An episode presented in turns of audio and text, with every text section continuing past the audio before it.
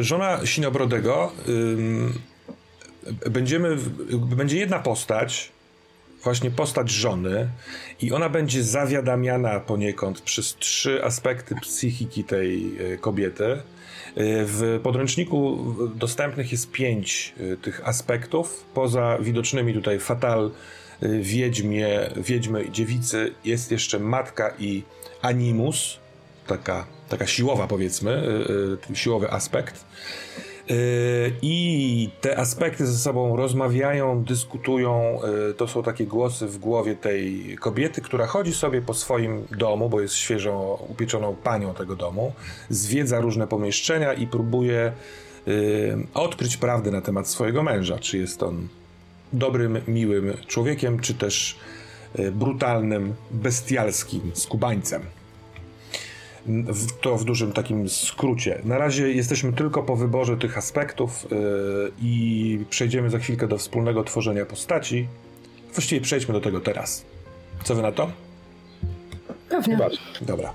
Więc yy, przygotowanie do ślubu, tak się to nazywa, yy, sprawia, że każdy z was yy, odpowiada na pytania. Yy, I tak, yy, rozpocznę tym razem od dziewicy.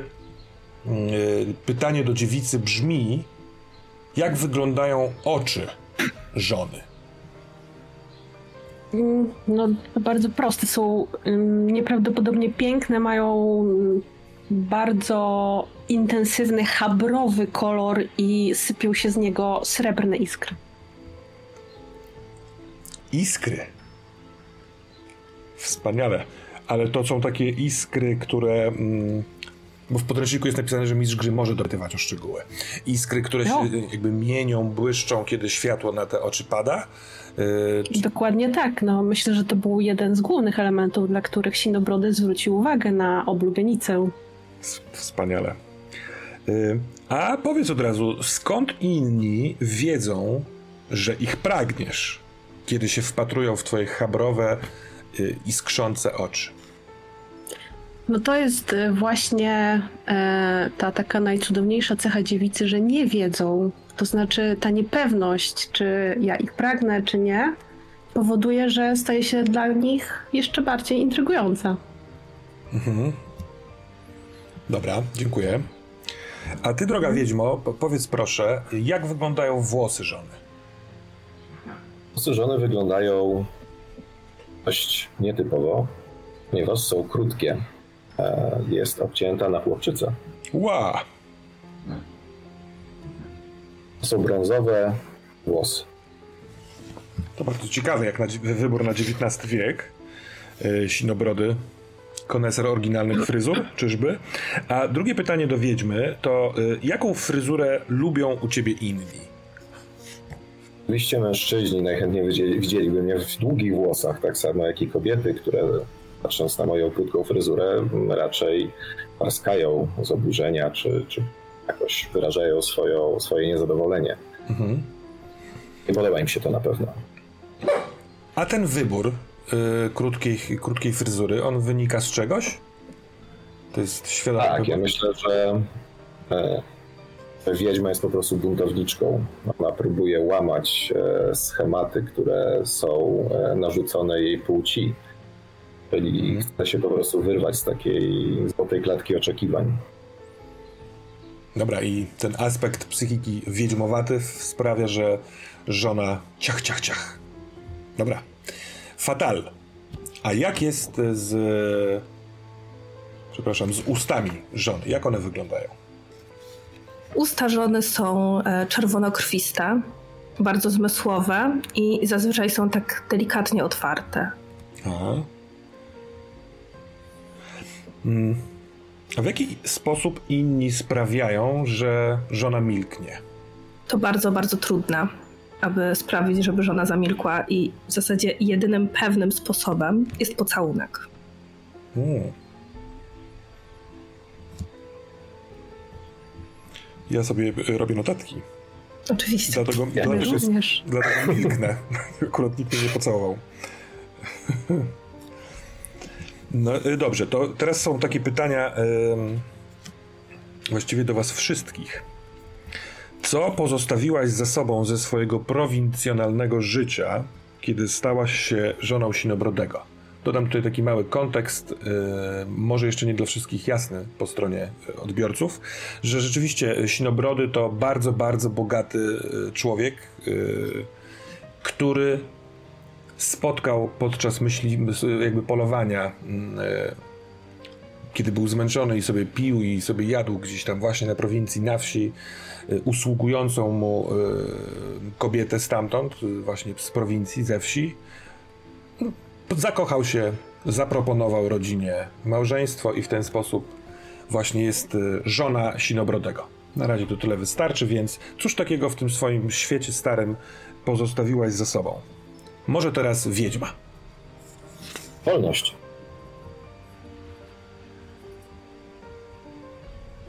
A cóż pozostawiła dziewica?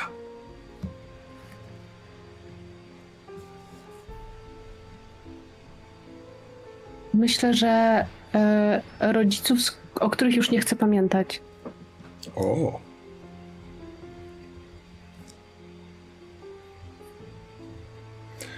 A e, za to? Czy jest jakiś inny powód? Za to, że zgodzili się na Myślę, to? że dlatego, że um, jakby zmiana jej życia na to takie z pozoru, bo w sumie różnie może być lepsze, E, zamożniejsze w lepszych warunkach, sprawiło, że ona mm, zaczęła postrzegać to swoje poprzednie życie jako jakąś, jakieś niepowodzenie takie, nie? Mhm. Które się odwróciło dopiero w momencie, w którym poznała swojego ukochanego. Dobrze, a cóż pozostawiła Fatal za sobą? Siostrę, która była jej najlepszą przyjaciółką i musiała ją niestety opuścić. A jak ta siostra ma na imię? Anabel. Hmm. To, y, to może teraz y, spytam jeszcze raz Fatal. Kiedy po raz pierwszy się spotkaliście z Sinobrodem? Jakim miłosnym gestem podbił on twoje serce? Mm, kiedy wjeżdżał do miasteczka, ja akurat szłam, e, szłam drogą i kiedy mnie zobaczył, to się zatrzymał i zostawił mi róża. Mhm. Bardzo romantyczna. A z czym ujął y, ciebie wiedźmo, Sinobrody, podczas pierwszego spotkania? Um, władczością. Ludzie słuchali się go tak, jak zawsze chciałem, żeby słuchali się mnie. Aha. Ale to y, ta sytuacja y, to było takie dobre wykorzystanie władzy, czy było w tym trochę, e, nie wiem... Nie, nie, nie, wręcz przeciwnie. To było taka, takie wykorzystanie władzy, mm, które było pomieszane z fascynacją i strachem, tak? ponieważ ci ludzie wiedzieli, że jeżeli mu w jakikolwiek sposób e, e, ubliżą, czy, czy spowodują, że stanie się niezadowolony, to mogą sobie mm, mieć biedy albo mieć już dość potężnego wroga. Mhm. Więc to takie raczej mm, to taka bardziej pozycja siły, tak? Władczy, ponieważ miał środki, żeby być władczy. Czego ja nigdy nie miałem. Super. Dobrze, a ty dziewico, czym ują y, ciebie Sinobrody podczas pierwszego spotkania? Może ja e, uzupełnię trochę to, co powiedziała moja siostra Wiedźma na temat tej, tej władczości, mhm. e, bo wiecie, w małej miejscowości, z której pochodzi obubienica żona, nie toleruje się osób o krótkich włosach, które jakby bardzo odstają od reszty. Zwłaszcza znaczy kobiet o krótkich włosach, i mm, w związku z tym żona była obiektem jakby szyderstw młodych e, chłopców, którzy często publicznie oskarżali ją o to, że będzie wieczną starą panną i nikt jej nie pokocha. I kiedy Sinobrody pojawił się e, w tej naszej miejscowości, to największemu szydercy publicznie ściął głowę. I to jest to, czym mi zaimponował. Ścięcie głowy. Ym, dziewico, A jaki prezent podarowałaś przed ślubem Sinobrodemu? I dlaczego akurat taki? To był wieniec stokrotek, który własnoręcznie e, uwiłam z e, polnych kwiatów. I chciałam, żeby i dla mnie, i dla niego był to taki symbol e, tego, że jakby um, mojej niewinności, pomimo iż no jakby nie do końca wiadomo, jak potoczył się dalej nasze losy. Mhm. A ty, Wiedźmo, jaki prezent y, sprawiłaś przed ślubem Sinobrodemu? Myślę, że była to na hajka, którą może karać e, służbę. Czy na hajka nie ma przypadkiem innego zastosowania? Może mieć wiele zastosowań. Mhm. E, natomiast e, ten wydaje mi się najbardziej zabawny, tak, jeżeli widzę, że od czasu do czasu ktoś, kto nie wywiązuje się należycie ze swoich obowiązków, dostanie na hajku. Mhm. A tobie zdarzyło się, y, żono, uderzyć kiedyś kogoś na hajką?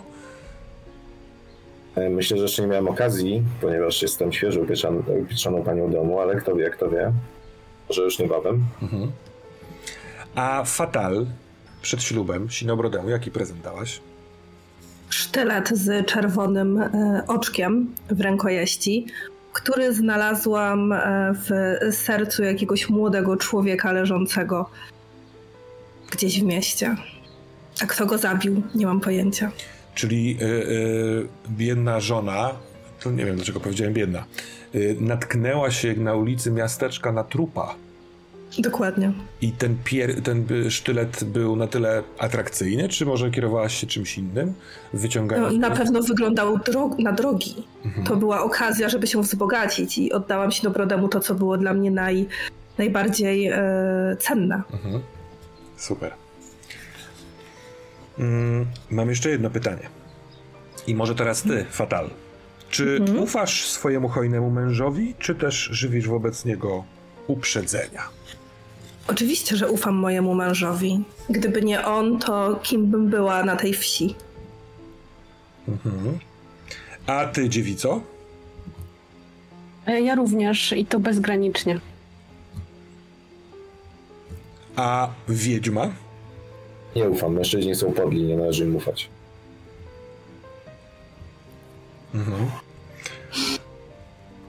Przyznam tak na, na boku taka uwaga, że same te pytania w kontekście tego, że y, gracie różnymi aspektami psychiki, strasznie ciekawie budują postać, która jest od samego początku w naturalny sposób złożona.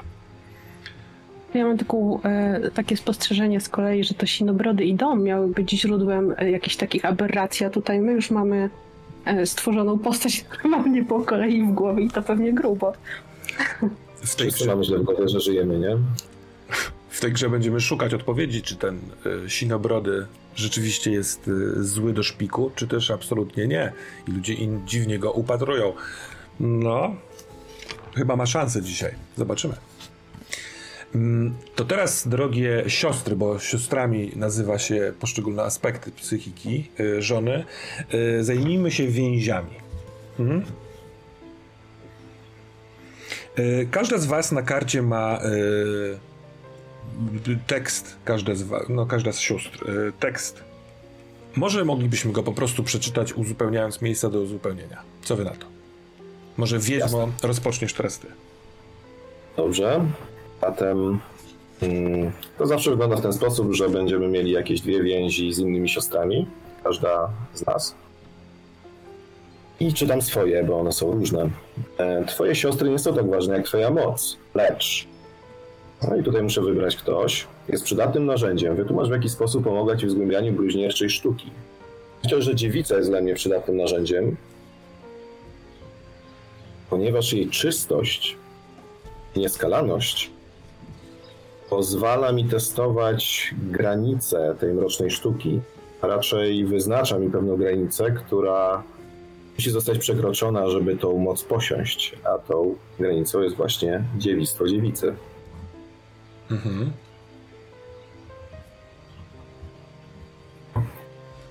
Mówiąc inaczej, nie uda mi się pójść dalej w moich naukach, dopóki dziewica będzie nadal dziewicą. Więc może być dla mnie przydatnym narzędziem, żeby tą moc posiąść. Mhm. Natomiast e, Fatal, ponieważ gramy w trzy osoby i dziewica już została wybrana. Fatal przyciąga do siebie zło. Wytłumacz, co uczyniłaś, aby ją przed nim chronić.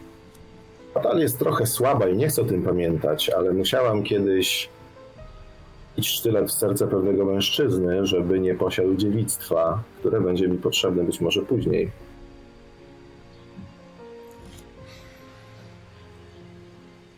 No, wy wygląda na to, czy dobrze myślę, że pozostałe aspekty niekoniecznie są świadome tego, że żona dokonała y, zabójstwa.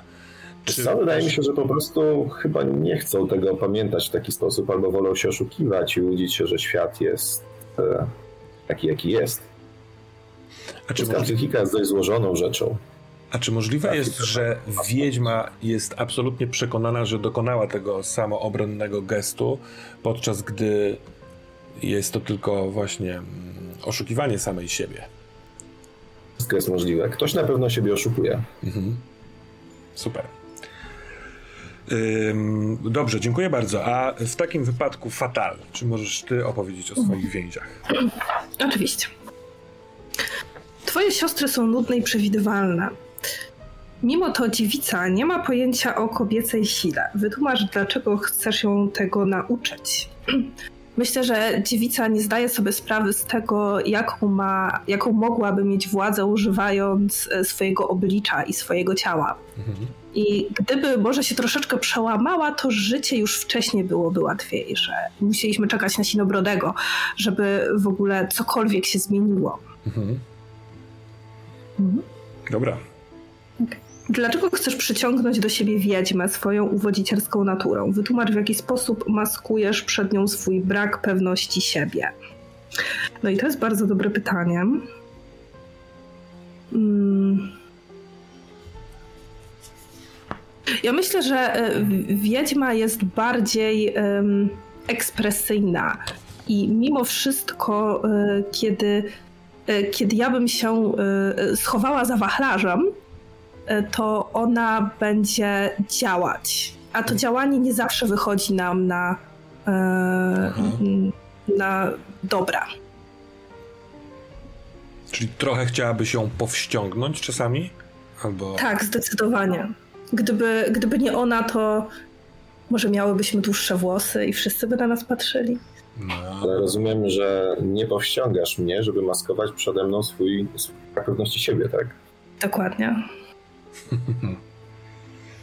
Wspaniale. Mm, została nam dziewica. Co chciałabyś, Asiu? Ufasz swoim siostrom zazwyczaj lecz. No ja trochę będę uzupełniać tutaj, co to, co siostry powiedziały przede mną. E, fatale oczernia twoją niewinność każdym wypowiedzianym słowem. Wytłumacz, dlaczego stała się tobie wroga. Ja myślę, że Fatale nie rozumie jednej bardzo ważnej rzeczy, mianowicie tego, że e, siła słabości i kobiecości to też jest siła i e, dziewica bardzo dobrze zdaje sobie z tego sprawę. I jest to zarzewiem konfliktów między nami, prawda, siostro? Oj, zdecydowanie. Okej. Okay. E, natomiast Wiedźma często pomaga mi płatać figle pozostałym e, i wspominam taki moment, kiedy e, razem płatałyśmy figle naszej siostrze Annabel, co spowodowało to, że kiedy Sinobrody zabrał nas do zamku, czy także do domu, bo jeszcze nie wiemy, jak to będzie wyglądać, to rozstałyśmy się z Annabel w jakby w niedobrej atmosferze. Myślisz, że nadal jest na nas zła za to, że połamaliśmy jej palce? Mogliśmy być trochę delikatniejsi. Delikatniejsza, przepraszam.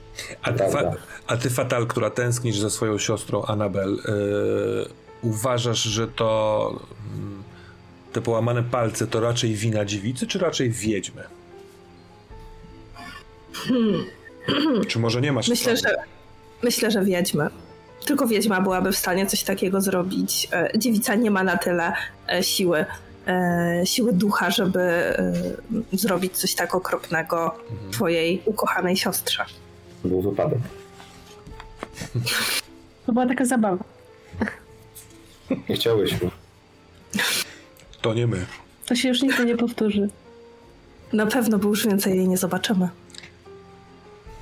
Hmm.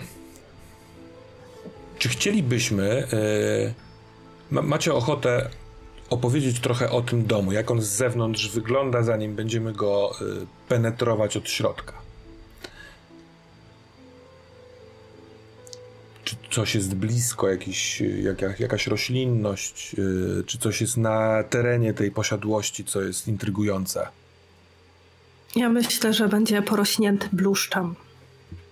Przynajmniej z tej strony, kiedy się wchodzi do posiadłości. Nie wiem, jak jest z, z innych stron, bo jeszcze nie widziałam całego ogrodu. Mhm. Myślę, że to jakaś stara wiktoriańska posiadłość z takimi ogromnymi oknami, które wyglądają niczym ślepia jakiejś leśnej bestii. A to wrażenie pewnie bierze się stąd, że kiedy jechałam tam powozem, to ta posiadłość tak jakby wyłania się nagle z lasu. Ona jest otoczona lasem, tak jakby mój mąż nie życzył sobie jakichś e, przypadkowych spojrzeń na to, co się dzieje dookoła jego posiadłości. Możliwe, że coś ukrywa w niej? Na pewno, wszyscy mamy swoje tajemnice. No, zdecydowanie, zwłaszcza, że kiedy wygląda się przez okna tej posiadłości, to e, nieopodal widać ogromny um, ogród, taki trochę zaniedbany, a, ale pewnie jeszcze niedawno temu ktoś go pielęgnował. Są tam nawet jakieś ruiny, chyba z oddali gdzieś od strony wrzosowisk wyłaniają się E, pomniki jakiegoś może małego e, rodowego cmentarza. Tak mi się wydaje. Jeszcze nie zdążyłam tego wszystkiego zwiedzić. Mhm. Nie wydaje ci się, siostro, że ten staw, który znajduje się przed budynkiem, byłby wspaniałym miejscem, żeby móc komuś spłatać figla i na przykład zepchnąć go z łódki? Ale cicho, bo fatale słucha. Tak, tak. Ale jak romantycznie byłoby sobie popływać łódką po tym, e, po tym cudownym stawiku. Och, myślę, że w bardzo sprytnie ukrytym za pomocą roślinności, takim cieniu, takiej wiacie jest e, bardzo ładna, romantyczna łódź drewniana z długimi wiosłami, która może być obsługiwana przez kogoś, kto będzie wiosłował, ale też może dwoje kochanków samemu e, wiosłować sobie po tym stawie. Na może... pewno zabiorę tam sinobrodego, kiedy tylko będzie okazja. Hmm. Ja muszę powiedzieć, że jak pierwszy raz y, przyjechałam do tego domu, to zachwycił mnie hol, który y, jest taki otwarty na, przez dwa piętra do góry. I z tego holu widać taką galerię na pierwszym i drugim piętrze, na którą wchodzi się takimi krętymi schodami, na których jest jakby dywan, taki wiecie, czerwony, e, zadbane, e, wszędzie wiszą portrety i a na dole pomiędzy tymi schodami jest taki wielki, wielki kominek, w którym pomieścić można byłoby chyba sześć stojących obok siebie osób. Wow. E, ja nigdy nie widziałam czegoś o tym rozmachu i e, dlatego e, byłam zafascynowana tym widokiem już od drzwi. Ja się zastanawiam, czyje są portrety, w sensie, e, co to za kobiety na tych portretach, które hmm są w holu umieszczone. Moje siostry fascynowały się a to schodami, a to portretami na ścianach. Ja zwróciłam uwagę e, na boczne wejście, e, tak pod schodami, które prowadzi do piwnicy, i zadziwiło mnie to, że jest ono zamknięte na kłódkę i zasuwy. Ciekawe, co tam się skrywa. Hmm. Ja nigdy nie lubiłam e, ciemnych i wilgotnych miejsc, więc w ogóle mnie to na razie nie interesuje.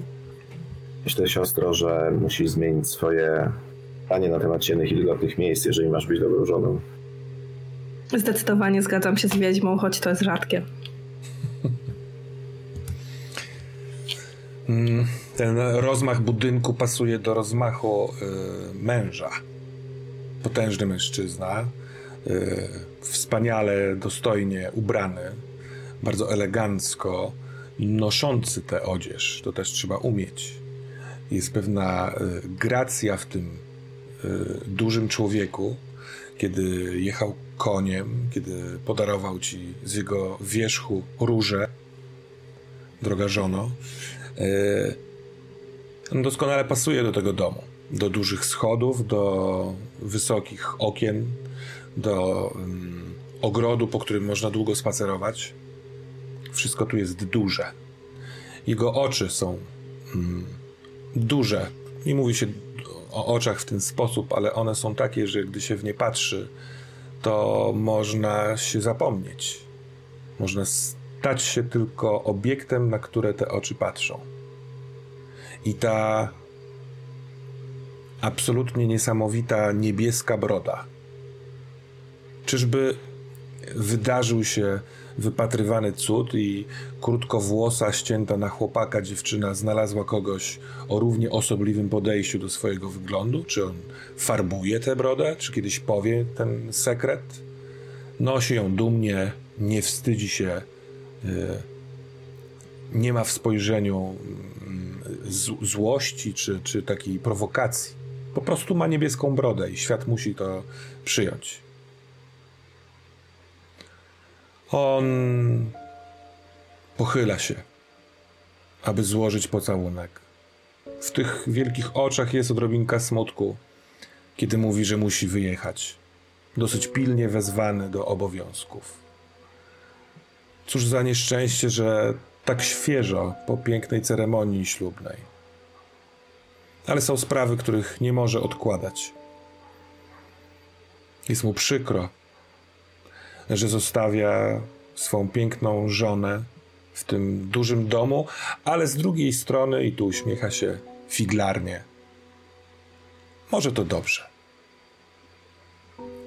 Bądź panią domu, beze mnie, przez parę dni. Poznaj go tak, jak tylko chcesz.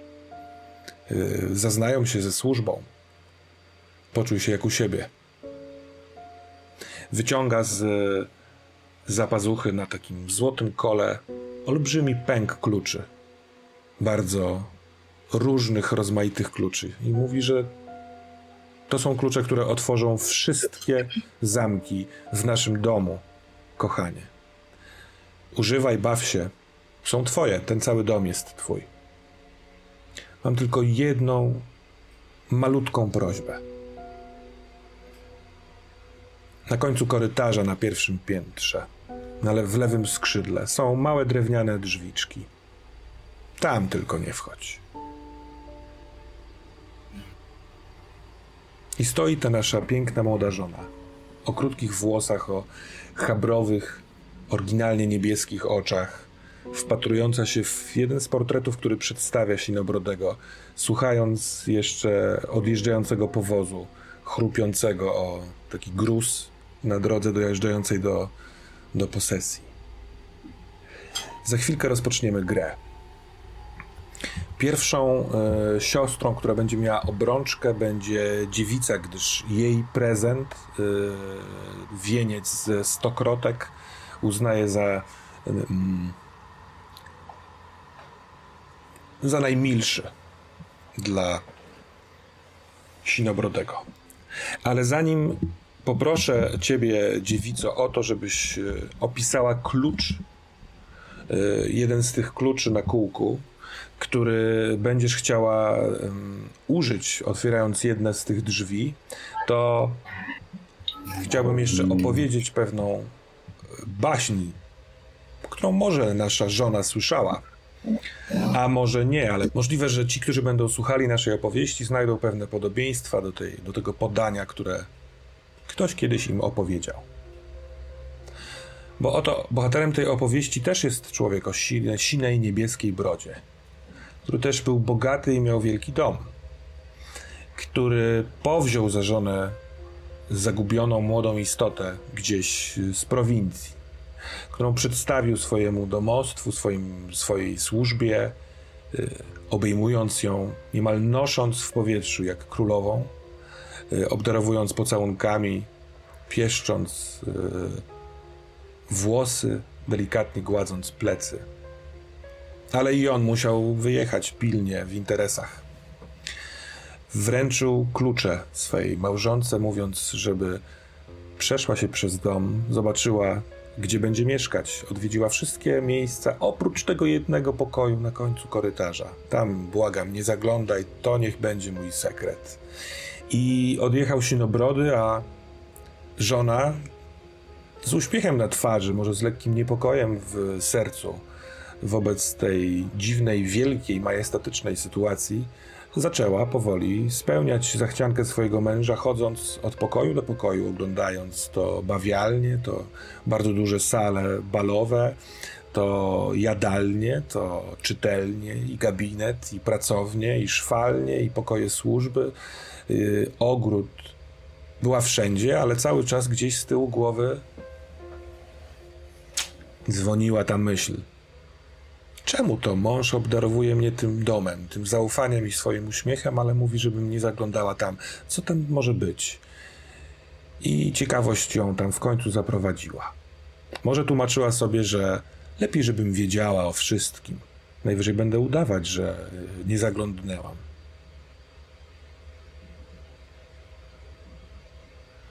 W środku tego pokoju, kiedy wybrała klucz, Zobaczyła ściany poplamione czerwoną, chyba farbą, ale nie. Po chwili zrozumiała upiorną prawdę, bo oto w cieniu, bo okna były zasłonięte kotorami, zaczęła dostrzegać kształty ludzi. Kiedy podeszła bliżej, zostawiwszy otwarte drzwi, a światło z korytarza trochę oświetliło te upiorne miejsce, zobaczyła, że pod ścianą oparte ułożone ciała kobiet, wielu kobiet. I przypomniała sobie słowa wszystkich, którzy żegnali się z nią, albo sług, którzy, z którymi się spotkała w domu, że przed nią były już inne żony. Odeszły, zniknęły, już nie są razem. Patrzyła na nie, pozbawione głów, na podłodze krew, a głowa, głowy ułożone w upiorną, dziwną piramidę. Podniosła klucz z podłogi, bo on wypadł wobec tego obrazu. Wymknęła się, pobiegła korytarzem, ale wróciła, żeby zamknąć, zakluczyć te drzwi. I czekała jeszcze na swojego męża kilka dni.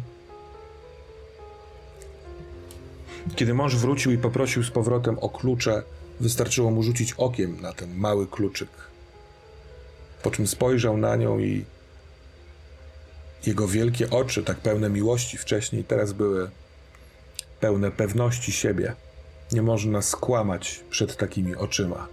Zanim zadał pytanie, żona powiedziała, że tak zajrzała. A on zaprowadził ją tam i powiedział, że tylko o ty o jedno cię prosiłem. Żebyś nie zaglądała do tego pokoju. Popchnął ją na kolana w tym okrwawionym pokoju. I zanim zdążyła coś powiedzieć, ściął ją i głowę.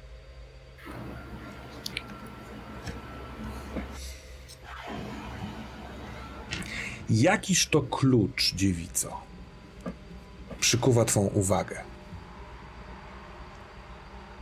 No jest jeden, który zauważyłam na pierwszy rzut oka, chociaż w pierwszej chwili wydał mi się czymś innym niż rzeczywiście mm, się okazał.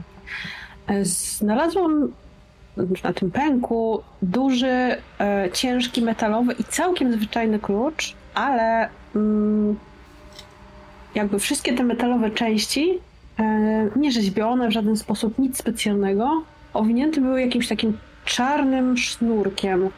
E, I kiedy przyjrzałam się bliżej, okazało się, że na klucz nawinięte są długie, czarne włosy.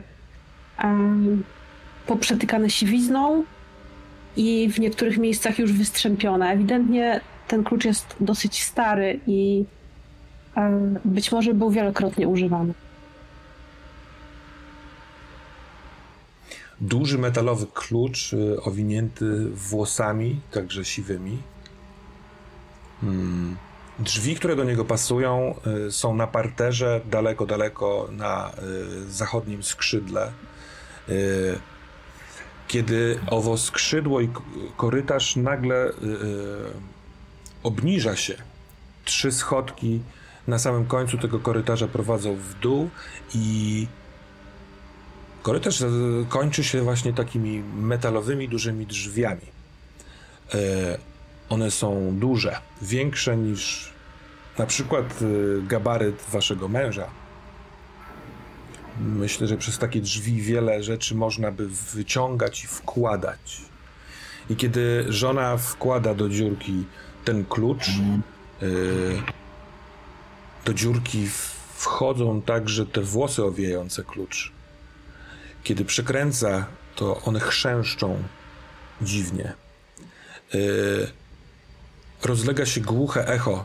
W środku, po drugiej stronie, na pewno jest dużo przestrzeni. Ten dźwięk się po niej rozciąga. I kiedy klucz do końca przekręca się, drzwi same się powoli, powoli odchylają. Dociera do żony zapach yy, metalu, taki jak te, te, te, drzwi i ten klucz. Może yy, takiego miejsca, w którym Dużo starych metalowych przedmiotów jest. Może tutaj ktoś pracował nad czymś. Yy, jest trochę jasnego przebicia światła z zabitych yy, takimi z zawartych okiennicami od środka okien, które są w tym pomieszczeniu, więc żona musi na początku mrużyć oczy, żeby spojrzeć przez ten półmrok. Yy, po chwili dostrzega, że w tych takich pasemkach świateł przebijających się przez te okna unosi się pył. Ten pył lekko iskrzy, błyszczy, połyskuje. Może to pyłek właśnie metalowy, yy, unoszący się przez to, że otworzyły się drzwi i wzbił się jakiś przeciąg. Na samym środku tego dużego owalnego pomieszczenia yy, stoi stół. To taki mocny, duży drewniany stół z niewyrównanych e, desek. Blat jest taki nierówny. Leżą na nim yy, narzędzia. Z daleka widać bardzo duży młot.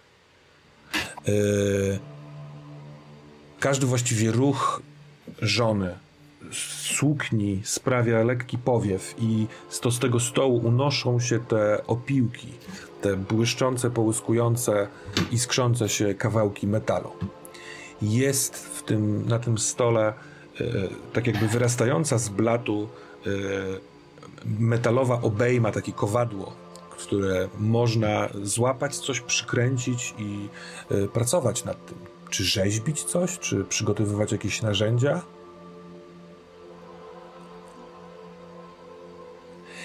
Na prawo od tego stołu, tuż pod jednym z tych zawartych okien, jest y, komoda. Stara, e, chyba dlatego tak schowana z boku w tym pomieszczeniu, które jest na końcu korytarza, ponieważ jest brzydka. E, nie ozdobiona, jeśli pomalowana, to na tyle dawno, że ten kolor już wyblakł, e, farba odchodzi. Jest ona duża. I to są właściwie jedyne dwa meble w tym pomieszczeniu: ten stół na którym leży mnóstwo narzędzi i stara zapomniana komoda. Co robicie? Ja mogłabym zbadać te narzędzia e, leżące na stole. Mhm. E, na pewno niektóre z nich są ostre i um, ciężkie, więc jeden z nich może wyśliznąć mi się z dłoni i e, niechcący przeciąć mi dłoń. tak bym mogła skorzystać z mojego ruchu ćmy. Mhm. A więc przede wszystkim korzystasz z ruchu każdej niewiasty, czyli badanie tajemniczego przedmiotu. A rzeczywiście tak ty jako dziewica masz specjalny ruch oblicza, który nazywa się ćma i kiedy podchodzisz do czegoś, co może cię zranić, jest jakieś niebezpieczeństwo, mhm. to w takim wypadku nie ty zadajesz pytanie o ten przedmiot, tylko ja, a ty tworzysz rzeczywistość. A więc ja tak z, pośród pytań y, dotyczących badania tajemniczego przedmiotu zapytam cię najpierw, mm, Jakie wspomnienia zawierają te narzędzia? Mm.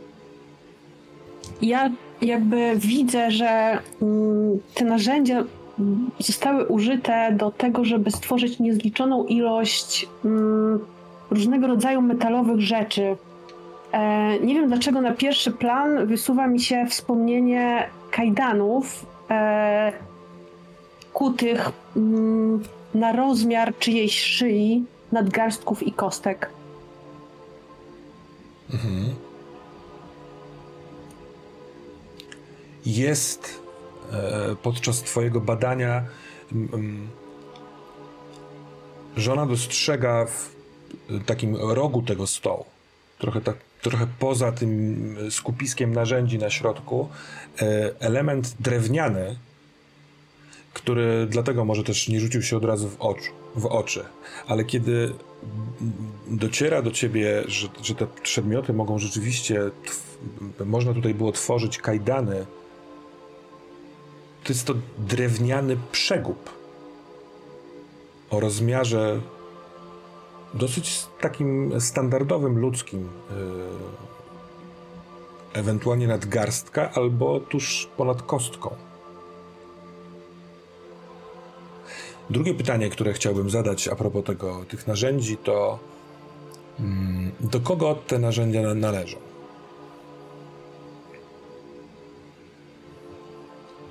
W posiadłości Sinobrodego mm, pracował kiedyś kowal. E, wydaje mi się, że Sinobrody wspominał, e, że kowal już nie żyje, e, ale świadczył dla niego no, bardzo ważne usługi, gdyż wykonywał dla niego wszystkie nawet najbardziej wymyślne projekty z, właśnie z metalu, tak? E, mój e, małżonek nie precyzował, o jakie dokładnie chodzi, ale kiedy o tym opowiadał, uśmiechał się do siebie i do swoich wspomnień. Trochę mm, niepokojąco. Mhm. Te narzędzia należały do tego kowala. Czy jest jakiś znak, który to e, może wskazać? Jest, widzisz jakiś inicjał? Czy może żona widziała kiedyś to narzędzie w ręku kowala? Nie, żona przybyła do domu dużo po tym, jak, e, jak Kowal e, odszedł. Mhm. Więc nie miała okazji e, zobaczyć go przy pracy. Natomiast jej małżonek podczas jednej, podczas podróży opowiedział jej tą historię i wyraźnie wskazał, iż to właśnie ten człowiek zajmował się E, wykonywaniem dla mojego małżonka tych wszystkich metalowych przedmiotów, mhm. których potrzebował. Cóż robicie, siostry? Mnie bardziej ciekawi ta komoda. Troszeczkę nie czuję się, jakby kiedy patrzę na ten e, drewniany element, Przypomina mi to za bardzo trochę mój nadgarstek, więc odchodzę od tego miejsca i idę zbadać komodę. To jest miejsce, które zdecydowanie bardziej mnie interesuje. A w komodach zazwyczaj ludzie chowają ciekawe rzeczy. Hmm. Komoda nie jest zamknięta. Ona ma y, y, pokrywę, y, jest taka metalowa sztaba, która zatyka się na skobel, ale nic z tego, nie ma tam kłódki. Więc w dotyku lekko lepka od e, chyba starości, e, może od kurzu. Dawno tutaj nikt nie wietrzył. Ten, ten, ta, ta, ta zastawka, można ją podnieść, podnieść pokrywę i wystarczy lekko ją uchylić, żeby żona poczuła zapach, taki gęsty zapach metalu, słodyczy po chwili jest to taki inny zapach niż e, tego pomieszczenia, tych opiłków. To trochę zapach krwi. Zostaje w, zostawia w ustach taki posmak. Ciemno w środku, kiedy pokrywa do końca się otwiera, E, ja bym chciał, żeby, żeby jednak ta pokrywa się do końca nie otworzyła. Chciałbym tak jakby powstrzymać fatal, mhm. po prostu ją zamknąć, bojąc się, że to, co możemy zobaczyć w środku, przestraszy dziewicę. Mhm. A więc... Zamknąć yy, pokrywa chyba też mnie to nie, nieco niepokoi. Dobrze. Zatem trzask tej pokrywy możliwe, że żona trochę za dużo siły włożyła, a może po prostu ta pokrywa jest taka ciężka. Ale niestety w tym yy, echu zamykającej się pokrywy jest jeszcze dźwięk. Ktoś krzyknął ze środka tej skrzyni. Okej, okay. w takim razie chciał, chciałbym dokonać oceny. Mhm. Kiedy oceniasz napiętą sytuację, zadaj jedno pytanie. Jakież to pytanie chcesz zadać? Dodam tylko, że ten piskliwy głos to yy, głos kobiecy gdzieś tam ze środka. Jaka potworność jest ukryta przed żoną? Mm, ten dźwięk sprawia, że żona, ten, ten krzyk yy, robi krok w tył od skrzyni na tyle nieprawdopodobne jest, żeby tam zmieścił się ktoś, kto mógłby krzyknąć. Ta skrzynia jest duża, ale nie aż tak duża chyba, że żona rozgląda się, żeby zobaczyć, czy może jest w tym pomieszczeniu ktoś inny, może przykuty do kajdan gdzieś w kącie.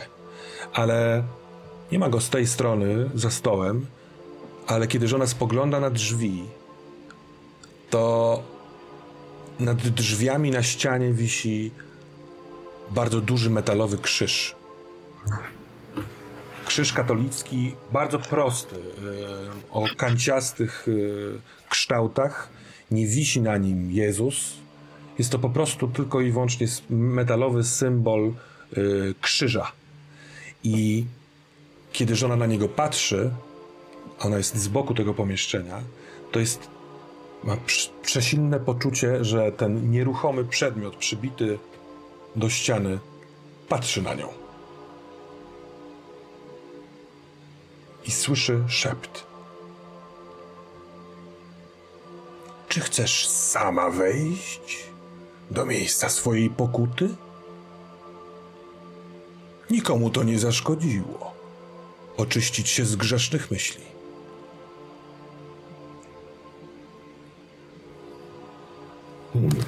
Ja bym chciała użyć ruchu obrączki, mhm. którą nadal posiadam póki co. Tak. Drżenie ze strachu. Mhm. Kiedy drżysz ze strachu, nazwij to, czego najbardziej się boisz, że się wydarzy. E, I kiedy ta postać na krzyżu mówi o miejscu mojej pokuty, do mnie wraca cała moja przeszłość w znoju, w chlewie, w tym ubogim domu, z którego udało mi się wyrwać i o którym nie chcę pamiętać. I to jest coś, czego się najbardziej boję. Ale w sensie powro- powrotu do takiego miejsca? Do tej rzeczywistości? Tak, i mhm. jakby ja zrozumiałam, że ta postać z krzyża chce, albo pyta, czy ja chcę e, jakby do tego miejsca swojej pokuty dojść, czy tam powrócić i e, mnie to miejsce pokuty kojarzy się z tym miejscem, z którego udało mi się uciec. Mhm. Więc teraz decyzja należy do ciebie. Czy ty chcesz przekazać obrączkę którejś z sióstr i wybrać jedną z pozycji e, przy tym ruchu drżenie ze strachu? I wtedy ta mhm. nowa siostra będzie musiała się z tym borykać. Czy też chcesz wybrać dwa, i, ale zostawić sobie kontrolę? to ja e, przekażę obrączkę Fatale. Mhm. I... E, a sama mogę... Tak, wybrać mm. jej najbliższą przyszłość. Czy coś zaraża żonę swoimi perwersjami, czy też żona znajduje się w szponach tego czegoś, czy też to coś mówi do ciebie. Zaznacz wtedy jedno pole traumy. Mm. Co chcesz zgotować? To może wybiorę tą pierwszą opcję. E, coś zaraża żonę swoimi perwersjami. Fatal, kiedy patrzy na ciebie ten krzyż. Co mhm. przypomina ci się? Który z grzeszków, z grzesznych myśli, które y, niedawno albo w dalszej przeszłości żona dokonała?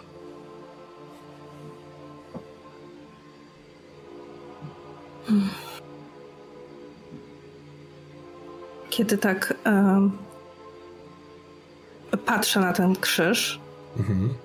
To mam takie, takie dziwne poczucie, um,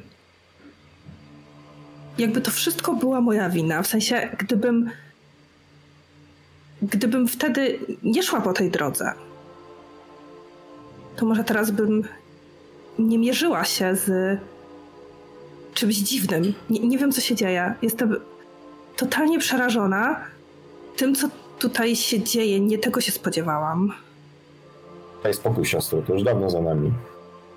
Po co do tego wracać? Wymknęłaś ale... z domu nocą, to wymknęłaś się z domu nocą, ale nic się przecież nie stało. Jak się nie stało? A cóż się takiego stało? Wiesz, się co się stało? Mogłyśmy zostać To była twoja wina. Zabite. Ale tak się nie stało. Wróciłaś bezpiecznie do domu i jeszcze coś znalazłaś. Ale nie, to, to twoja wina. To wina. To ty chciałaś zobaczyć, jak wygląda miasto nocą. Ja cię ostrzegałam, że to zły pomysł. Ale nie. Fatal. Na stole y, ten kawałek przegubu drewniany. Już nie jest wcale drewniany i nie jest tylko kawałkiem. Dłoń opiera się o stół. Od tej dłoni odchodzi cała reszta ramienia i ciało. To obcięta na krótko brązowo-włosa kobieta w wiejskiej sukience, yy, która zapasek wetknięty ma sztylet, który ma szmaragd w rękojeści. Opuszczona jej głowa, yy, usta szepczą modlitwę, a kowal z dużą brodą o po drugiej stronie stołu właśnie zaciska ostatnią obręcz na drugim przegubie. Wielkim młotem bardzo delikatnie i precyzyjnie wbija ćwiek. Drz. Potem spogląda w stronę żony, w waszą stronę i przekazuje łańcuch, do którego przyczepione są oba kajdany na obu przegubach. Och, jakże wspaniale jest móc kogoś sprowadzić na jasną stronę E, nauczyć kogoś, co nie jest prawe i nie jest dobre. Pozwolić znieść pokutę, żeby ten ktoś wyszedł lepszym człowiekiem później.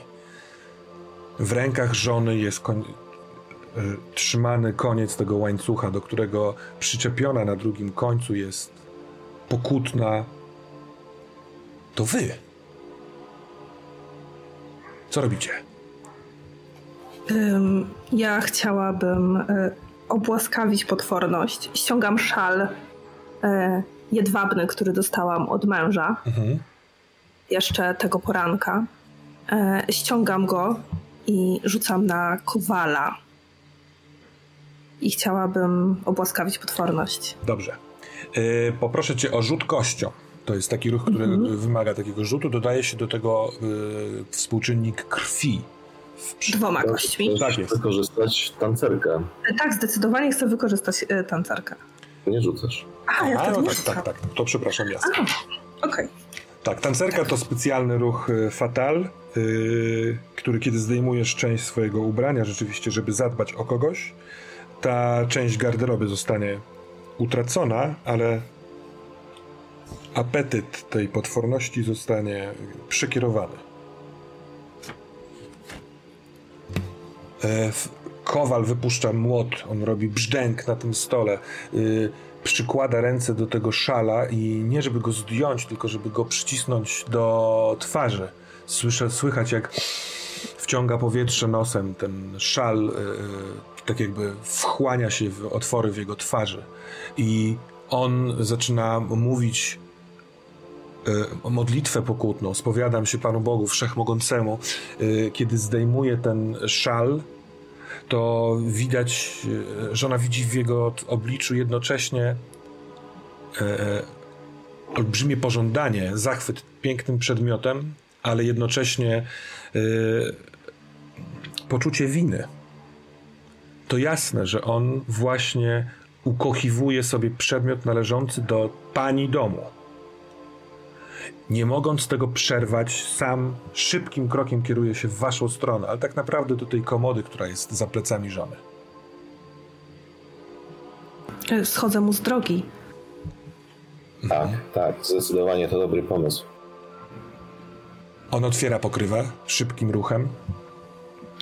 Ściska ten szal w dłoń, tak żeby go nie było widać. I wchodzi do pokrywy. Kurczy się, kiedy do niej wchodzi. Do tej skrzyni. Tak, żeby się zmieścił cały. Schodzi w dół, tak jakby tam były schody. Yy, cicho płacząc, cały czas mówiąc swą modlitwę. I kiedy jest już niemal cały w środku, została tylko głowa, spogląda w stronę żony. Tymi zapłakanymi, starczymi oczyma. I mówi cicho: Nigdy cię nie zapomnę. Po czym pokrywa zamyka się na jego głowie znów z głośnym uderzeniem, i tym razem słychać jego krzyk, stłumiony tą skrzynią. Spoglądam na łańcuch w rękach, który trzymam. Nie ma już tam łańcucha. On wyparował tak jakby, zniknął. Chociaż w dłoni żona cały czas czuje y, obecność. Przed chwilką trzymała coś metalicznego, zimnego. Widzisz, siostro, jak słabi bywają mężczyźni. Ach, czemuż wtedy nie miałaś takiego bogatego szalu, gdy postanowiłaś wybrać się na miasto? Gdybyśmy miały pieniądze, to życie byłoby łatwiejsze. Od początku. Życie by było tak samo trudne, tylko my stałybyśmy się mniej czujne i bardziej podatne na wpływy. Nie ma niewinnych, którzy są w tym pokoju. Ten szept, który wcześniej e, dobiegał zewsząd w tym pomieszczeniu, znów się odzywa. Jesteście tutaj, jest tylko żona czy to o żonie? Czy żona może rzeczywiście być winna jakiejś przewinie? Ten krzyż, który wisi nad y, drzwiami, zaczynają wyrastać z niego siwe włosy. Bardzo szybko. Za chwilkę te włosy będą na tyle długie, że zaczną wyrastać na zamknięte drzwi. Co się wtedy stanie? Czy zawrą te drzwi przed, wa przed waszą ucieczką?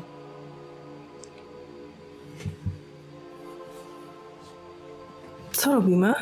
Wychodzimy? Powiem siostro. To twoja decyzja, co robimy. Ja mogę ci tylko doradzać. Ja chciałbym Dziwi tylko, co? przepraszam, spytać, ponieważ yy, to trochę przegapiłem ten moment, ale yy, wykonanie ruchu obrączki przez ciebie fatal yy, mhm. sprawia, że tę obrączkę przekazujesz następnej z sióstr. A, okej. Okay. Tak. W takim razie przekazuję do wiedźmy. Zatem mamy wiedźmę, która jest w decyzyjności i cóż teraz robicie? Dziękuję, że mi zaufałaś, siostro. Myślę, że chciałabym obłaskawić ten krzyż. Mhm. Żeby on jednak nie zamknął przed nami drogi, a raczej to coś, co żyje w tym krzyżu. Um, jak to robisz? Podchodzisz do niego? Przemawiasz do niego? Chodzę do tego krzyża, kiedy te e, siwe włosy zaczynają z niego wyrastać. A wyglądam na taką niewinną, zagubioną niewiastę o krzącym się spojrzeniu i lekko przymkniętych ustach. A tylko być może moje Krótkie włosy przeczą temu wizerunkowi, który chciałabym zaprezentować światu. Mówię do tego czegoś, co mieszka w tym krzyżu, a raczej wykrzykuję. O potężna boska istoto, jak możesz skarżać taką niewinną niewiastę jak ja, dziewicę? Mhm. O, ten kowal, on, on jest temu wszystkiemu winien. A, ukaż go. On jest winny. Ja jestem bezbronna. Cóż takiego mogłabym zrobić? Niedawno zaczęło się moje życie. Liczę sobie zaledwie 17 wiosen. Rzuć proszę. Próbuję Dwoma. kierować mhm. w kierunku tego nieszczęsnego kowala. Tej skrzyni. Nie, krzyża, tak? Mhm. Ktoś, co w nim mieszka. E, to jest e, rzut plus krew. Tak jest. Jako, że jestem wiedźmą, mam plus jeden do tego rzutu. Mhm. Teraz rzucam kość. Tak jest. Uwaga. I uzyskuje 6 i 5, czyli razem 12, proszę bardzo. Absolutnie ci wierzę, to jest e, e, sukces i taki, który nie jest obarczony jakimkolwiek kosztem. Twoja, trafienie pełne. tak, twoja gorąca przemowa e, nakierowała sprawiedliwość Bożą, sprawiedliwość zawartą w tym krzyżu na odpowiedniego grzesznika. Włosy e, podnoszą się, z, jakby były w pionie, rosły w dół, żeby zakryć drzwi, ale teraz wiedzą, dokąd mają rosnąć i przemykają tuż obok twarzy żony, która wręcz czuje powiew takiego trochę nieświeżych, trochę metalicznych tych siwych włosów i one wbijają się w szparę pomiędzy wiekiem a skrzynią. Y, Kiedy zagłębiają się do środka, ta skrzynia delikatnie zaczyna się trząść, tak jakby ktoś, kto jest w środku, szamotał się. Towarzyszą też temu dźwięki. To rzadkość słyszeć starszego człowieka, który krzyczy ze strachu. Ale stamtąd właśnie, stłumione przez te wieko, odzywają się takie głosy. Pojawiają się słowa: Wybacz mi, wybacz, Boże, wybacz. Wiedźmo, po wykonaniu ruchu obrączki, komu przekazujesz y, obrączkę? Myślę, że przekażę ją dziewicy, ponieważ to jej nieskalaność pozwoliła nam uniknąć tej sytuacji. Mhm. Ja mogłabym zaproponować prawdę. Tak jest. Możesz. To ruch wyjścia. Mm. Kiedy cofam się w przeszłość na długo, zanim dotarłam tutaj do domu Sinobrodego, e, wiem, że była jeszcze inna kobieta w jego życiu, dla której sam mój małżonek nakazał Kowalowi zbudować pęta z metalu. E, ciężkie kajdany, łańcuchy, e, i, I ten człowiek rzeczywiście mm, wykonywał te przedmioty tutaj, właśnie w tym pokoju. E, tylko wiedział, do czego one będą służyć, i bardzo pożałował tej kobiety. Wręcz w jakiś tam sposób się z nią nawet zżył, bo mój małżonek, tak jak teraz, dosyć często wyjeżdżał i zostawiał żonę samą ona po prostu poznała Kowala, i, e, a on, e, w sensie ów Kowal, e, nie mogąc jej powiedzieć, że właśnie kuje dla niej więzienie, rozmawiał z nią o wielu innych rzeczach i po prostu zżył się z nią najzwyczajniej w świecie. Do tego stopnia, że nawet po śmierci nigdy jej nie zapomniał. E, Kiedy Sinobrody odkrył, że Kowal, mm, nie wiem, i jego żona e, zapałali do siebie jakąś sympatią, e, uznał to za niedopuszczalne, uznał to za formę zdrady. I to dlatego Kowala dzisiaj nie ma w domu, dlatego nie żyje, ponieważ Sinobrody w ataku wściekłości ściął go tak jak tego chłopca w naszej wsi e, wiele tygodni temu.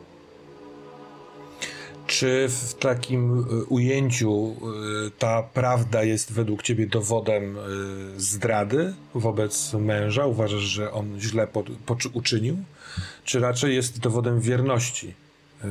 Jak znajdujesz ten jego czyn?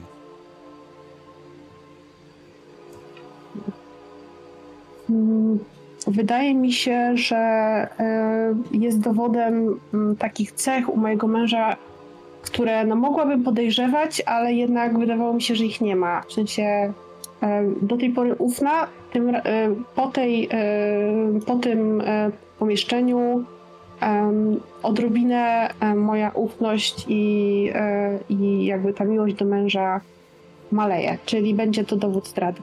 Ale to żona go zdradziła. Co miał zrobić? Miał puścić to płazem? To nazywa, nazywasz zdradą to, że żona y, znalazła sobie przyjaciela w tym wielkim, pustym domu? Myślisz, że to był tylko przyjaciel? Tak się tylko mówi. No, Nawet jeśli to był starzec. Przyjaciel. No cóż z tego? Pro zaniedbał swoją żonę, znalazła sobie innego przyjaciela, towarzysza rozmów. A może jednak Kowal dopuścił się czegoś, czego nie powinien? Wyobrażasz sobie, żeby ze służbą się przyjaźnić? Też wątpię, że tylko na tym się skończyło. Bardzo szybko zapomniałeś, skąd pochodzisz, siostra. No cóż, po to tu przybyłam, żeby zapomnieć. Ja przybyłam tu po coś zupełnie innego. Po co? Po władzę. No właśnie. Ale nie A jestem gdybyśmy my się tak zachowały? Posłuchaj dziewicy. Ona, mimo że jest dość naiwna, doskonale rozumie, kim jest nasz mąż. No nie wiem. Dziewico, mm, nawet przy zamkniętych drzwiach po stronie już y, na, na, na korytarzu słychać cały czas te y, krzyki dobiegające z wnętrza komody. Podejmij proszę decyzję i czmychajcie stąd. E, Ale ja podjęłam decyzję, w sensie... Tak, myślałem, że może te, Mhm. te rozmowa, te, te Nie, nie. głosy aspektów. Dowód zdrady. A y, czy wzięłaś ze sobą jakiś przedmiot, który symbolizuje tę zdradę? Mm, tak, wzięłam ze sobą e, taką obręcz na nadgarstek. Mhm. Jedną z tych obręczy, które wykuł Kowal. Kowal e, w tryby, ponieważ to jest taki ruchoma obręcz, jest w tryby tej obręczy wplecione są e, czyjeś czarne włosy. Proszę Tak. zaznacz sobie też punkt traumy, y, dziewico. Żona opuszcza to pomieszczenie, oddala się korytarzem y, po tych schodkach w, w górę. To zapomniane, tak jakby opuszczone miejsce pokuty y, oraz przede wszystkim dźwięk kogoś, kto, kto chce wybaczenia y, za sobą. Dziewica nadal dzierży obrączkę. Jakiż teraz klucz przychodzi jej, y, przykuwa jej uwagę. To mam następujący pomysł. E, ten klucz jest przepiękny. To jest najpiękniejszy klucz, jaki w życiu widziałam. Jest e, upleciony z mm, misternie rzeźbionego srebra i tam, gdzie jest ta głownia, za którą się trzyma ten klucz, e, pomiędzy e, taką srebrną obrączkę w, jakby włożony jest taki mały witrażyk zbudowany z takich małych, wiecie, szkiełek, który jak się podniesie pod słońce, to jakby robi się taki jak pryzmat, nie? Czyli ślad e, różnokolorowych szkiełek na ścianie. Piękny klucz o wspaniałym kolorowym y, witrażu, y, który jest dosyć drobnym, złotym kluczem. y, Prowadzi żonę na drugie piętro, tymi wielkimi schodami na środku posiadłości. Mi się wydaje, że z zewnątrz widać taki gigantyczny witraż gdzieś w tamtym miejscu. Mhm. E, Być może pomieszczenie w środku e, właśnie ten witraż ma. Ja bym bardzo chciała go zobaczyć. To jest coś przepięknego. Więc całkiem możliwe, że to, co w kluczu jest mal, malutkie, miniaturkowe, tam w środku jest właśnie y, powiększone. Drzwi są zaokrąglone u góry, na, nie, nie są kanciaste. Y, mają y, misternie udekorowaną klamkę. Y, są jasnego, jasnobrązowego koloru to jasno-brązowe listwy, y, w sensie deski, tworzą te drzwi. I kiedy klucz przekręca się, odzywa się pozytywka, która jest gdzieś w tym zamku. I ostatnie kliknięcie y, sprawia, że drzwi można otworzyć, ale pozytywka cały czas gra. Kiedy wchodzicie, kiedy żona wchodzi do pomieszczenia, to jest y, pomieszczenie też na skraju y, jednego, z, jednego z bocznych skrzydeł tego domu. Y, cała ta ściana boczna jest zamieniona właśnie w potężne okno, które jest całe tym witrażem. I o ile z daleka, kiedy żona przyjeżdżała do posiadłości powozem, trudno było pod tym kątem określić, co tam jest, teraz jest to jasne. Na tym witrażu jest y, kołyska kolorowe szkiełka witrażu pokazują, że ta kołyska jest ko kolorowa, niebiesko-żółto-zielona. Yy, w środku no, wystaje ponad powierzchnię, widać trochę kołderki, trochę loczków złotych. Yy, ta kołyska stoi na bujanych nogach, a za kołyską, trzymając delikatnie ręce na jej krawędzi, stoi wysoka kobieta o błękitnej sukni, o długich, yy, kasztanowych włosach, która no, nikt nie patrzy z taką miłością na coś jak matka na swoje dziecko. Y, jest w tym uśmiech, uśmiech, błogość. Y, trochę kojarzący się ten y, gest takiej pochylonej głowy i wygiętej szyi z, z taką delikatnością i z brakiem jakiegokolwiek zagrożenia. A przez to, że ten witraż jest skierowany na, na zachodnią stronę, a teraz słońce zachodzi, to Y, tylko możemy sobie wyobrazić, jak wspaniale przez te kolorowe szkiełka słońce wpada do tego pokoju. W pokoju jest taka kołysanka. Y, taka kołyska, przepraszam. Gdzieś y, blisko tego witrażowego okna. Na podejście Poza tym y, przyczepione do także zaokrąglonego, zaokrąglonego ko, takiego kopulastego y, sufitu, poprzyczepione różne świecidełka i zabawki na tych sznurkach kręcące się, delikatnie powiewające się. Y, jest fotel bujany, może kogoś, kto mógł po uśpieniu dzieciątka odpocząć sobie, posiedzieć tutaj, poczytać książkę. Kolorowy, ciepły dywan na podłodze poczucie bezpieczeństwa. Mm. Jest też. Chciałbym zbadać ów tajemniczy przedmiot, tą kołyskę. Mhm. Chciałabym zadać dwa pytania. Bardzo proszę. Co jest z nim dziwnego lub zagadkowego? Ja mogę coś zaproponować? Bardzo proszę. Mm kiedy zastanawiasz się, co jest w nim dziwnego, e, jakby jednocześnie dzieje się coś e, jeszcze innego. Otóż drzwi się otwierają i staje w nich jedna e, z pracownic w tym domu. To jest pokojówka, to jest dosyć młoda dziewczyna, która jest niema. W sensie nie mówi e, i dosyć trudno nawiązać z nią kontakt. I ona kiedy ty jakby zaglądasz szukając czegoś nietypowego, podchodzi do tej kołyski, jest trochę skonfundowana w ogóle naszą obecnością, co widać w jej oczach, niesie e, przed sobą talerz zakryty taką, e, nie wiem jak to się nazywa, taką... Srebrzystą tak, kopułą. Tak, tak, taką, taką srebrzystą kopułą. E, I tak jakby przyniosła e, jedzenie e, temu, temu dziecku, tak? Czy temu, e, temu czemuś, temu dziecku, które jest w kołysce. E, I jeszcze raz? Coś jest w kołysce?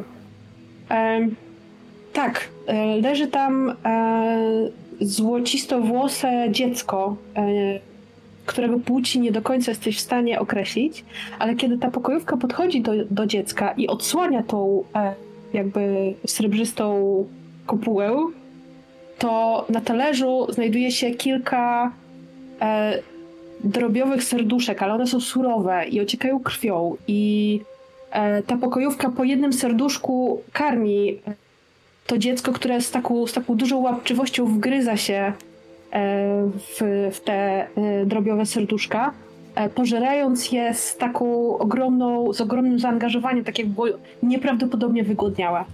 Czy może być? Mhm. Mhm. Dobrze, zostaje jeszcze drugie pytanie. Jakież drugie pytanie? Jakie wspomnienia zawiera ta kołyska zatem, skoro takie dziwne dziecko się w niej znajduje? Mhm. Kiedy przygląda się żona temu, y, tej, tej pokojówce, yy, ona właściwie tylko już trzyma tę tacę, a dzieciątko na tyle takie nagłe w tym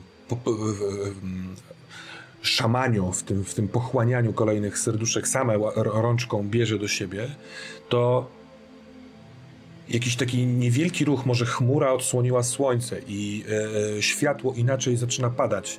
Ta pokojówka jest przeźroczysta albo mm, zbyt jasna, ma jakąś taką e, błyszczącą powłokę wokół siebie, a i w tym momencie dziecko przestaje jeść. Ten ostatni kawałek serduszka, które wzięło, sprawia, że słyszycie, że brakuje oddechu poza tym ciąkaniem. Powoli robi się czerwone. Pokojówka powinna zareagować, ale tylko powoli odciąga tacę i zakrywa ją z powrotem tą srebrzystą pokrywą. Dzieciątko patrzy na nią, nie mogąc oddychać. Czerwień na twarzy zamienia się w siność. W jednej chwili nie ma tam złotowłosego dzieciątka i nie ma też tej pokojówki. To wszystko było wspomnieniem tego miejsca. A kobieta, która na witrażu opiera się o tą kołyskę, roni łzę. Po witrażu złocista, taka szklana kropelka spływa i kiedy skapuje z brody, to akurat łapie zajączka słońca od zewnątrz. Żona musi przez chwilkę mrożyć, mrużyć oczy.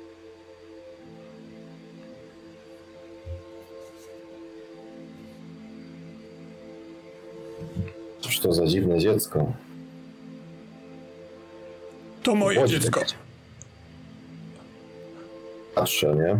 Skąd ten głos dobywa się? Witraża? Z witraża, ale tylko przez chwilkę z tego witraża, bo ta kobieta z tego witrażu schodzi. Robi ruch w waszą stronę tak, wtedy, kiedy jej głowa przykręca się w waszą stronę, wypowiadając te słowa. I właściwie ten jeden krótki ruch sprawia, że ona stoi po drugiej stronie kołyski. Składa się z kolorowych szkiełek, yy, przez co ruchy ma też trochę takie usztywnione, nienaturalne. Yy, kiedy spogląda na was, ta złota łza zawisa, zwisa u jej brody i ona pyta: Przyszłaś nakarmić moje dziecko? I robi krok w waszą stronę. Chciałabym obłaskawić potworność. Mhm. Czyli plus krew, tak? Tak. Tak jest, plus krew. Dziwitek. O kurczę, wziąłem kostkę, w której nie wiem, co to jest za symbol. Sześć. Eee, dziesięć łącznie. Dziesięć więc znów trafienie. Uda ci się obłaskawić tę potworność, oddasz też na mhm. koniec obrączkę komuś, za chwilkę się zastanowimy, ale jestem ciekaw, jak to robisz. Podchodzę do niej e, na tyle blisko, żeby jakby móc jej głęboko spojrzeć w oczy i z taką całą swoją niewinnością staram się e, jakby mm, wyrazić y, swój zachwyt nad jej potomkiem, nie? Że ma piękne złote włosy, y, że jest bardzo do niej podobny, że to jest cudowne małe stworzenie, z którego wyrośnie na pewno wspaniały człowiek. Tylko wtedy, kiedy przestanie jeść te rzeczy, które przynosi pokojówka. Inaczej, z... dlaczego ona to. Połamane zdania, trochę tak jak połamane kawałki tego szkła. Ona wierzy w to, co mówisz. E, cieszy się, że ktoś w końcu docenia piękno tego dziecka ukrytego gdzieś z boku tego budynku. Gdzie jest ta pokojówka? Muszę wydać jej polecenie nie karmienia mojego dziecka. Wydaje ci się, dziewico, że żeby do końca obłaskawić tę potworność, musisz wskazać jej jakiś kierunek. Ona musi musi na kimś wyrzucić tę te, te gorycz. Czy nie wiesz, hmm. gdzie jest pokojówka? Mogę ją zawołać, jeśli chcesz. Zawołaj ją.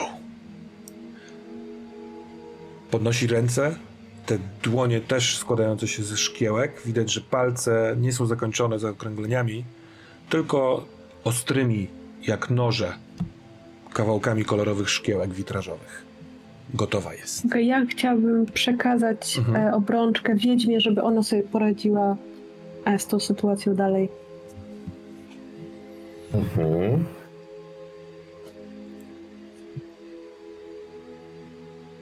Ja bym najpierw chciała ocenić, Mhm.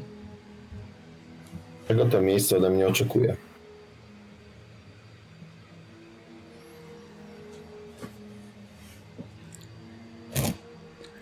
Ta stojąca naprzeciwko żony szklana kobieta, e, mimo że składająca się z kolorowych kawałków szkiełek, e, ma bardzo czytelną mimik, mimikę po chwili, kiedy żona, żona patrzy w jej twarz. Jest e, w niej bardzo duży pokład bólu. Ona możliwe, że z tego witrażu patrzyła na umierające swoje dziecko, albo przynajmniej na kogoś, kto chciał otruć to dziecko. Może y, blef dziewicy jest prawdą, ale z drugiej strony ten desperacki ruch, że ona zeszła z witrażu, wskazywałby raczej, że ona straciła dziecko. Może jesteś tutaj po to, żeby ulżyć jej, pozwolić się na czymś zemścić. Mhm. Zatem próbuję o nią zadbać, Mhm. mówiąc jej wiem, przez co musiałeś przejść, patrząc jak ta podła służba truje twoje dziecko. Tak. Znajdziesz ją w kuchni. Tam Przyrządza, powinnaś szukać. to tam przyrządza to zatrute mięso? Tak. Dziękuję ci, piękna damo. Chcę położyć dłoń na twoim policzku i pocałować cię swoimi szklanymi ustami. Pomogę jej chyba na to, e, pozwolę jej na to. Chociaż no, trochę mnie to niepokoi, ale mimo wszystko chcę ją uspokoić i wskazać jej ten kierunek, tak, w którym powinna podążyć. Całkiem możliwe, że ona w ten sposób chce się utwierdzić, że nie kłamiesz jej. Że, na, że mówisz prawdę o tej kuchni, o tej pokojówce tam. Kiedy jej usta dotykają twoich ust, jest w tym podobnie niezgrabna jak w całym tym swoim ruchu. Więc trochę za mocno przytula, trochę za mocno całuje, w ten sposób rani żonę w wargę posmak krwi, ciepłego płynu, który wycieka z y, kącika ust, kiedy ta szklana kobieta, odrywając się od pocałunku, od razu kieruje się do drzwi. Drapie nimi o, swoimi palcami o te drzwi, sięga do klamki, niedbale y, otwiera, wydaje co jakiś czas jęk takiego popsutego szklanego bytu. I słychać jej szklane kroki na korytarzu kiedy kieruje się Mhm. pewnie w stronę kuchni. W jaki sposób ona wyrządziła mi tę krzywdę? Tak, to jest jedna trauma. Poproszę, żebyś zapisał ją dla swojej wiedźmy. Oczywiście możesz też podzielić się swoimi, ze swoimi siostrami. Nie, zapiszę ją dla siebie, ale powiem do moich sióstr, widzicie siostry, jak się dla was poświęcam? Co my byśmy bez ciebie zrobiły? To z tego mam tylko cierpienie przez całe życie. Ja zawsze wiedziałam, że ty o nas odpowiednio zadbasz. No dobrze. Zostawmy to. Mówię wspaniałomyślnie do moich sióstr. A wydaje mi się, że zaproponuję prawdę o tym pokoju. Mhm. Wydaje mi się, że ta pokojówka. Mm, ona zakochała się w Sinobrodym. I kiedy urodziło mu się dziecko, czuła się przez niego odrzucona, w jakiś sposób zdradzona. Jednym słowem, szalała. Pewnego dnia,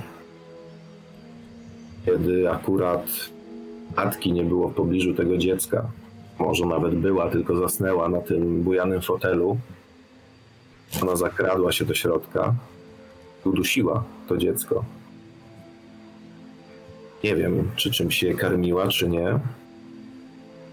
Prawdopodobnie tak zapamiętała to ta kobieta, albo przynajmniej tak by chciała to zapamiętać. E, dała temu dziecku całe swoje serce, ono umarło. Może jej własna miłość sprawiła, że przestało oddychać. Być może kochała je zbyt mocno. Ta prawda jest bardziej prozaiczna. Ta pokojówka po prostu ją dusiła. Potem, broniąc się, zgoniła wszystko na bezdech senny.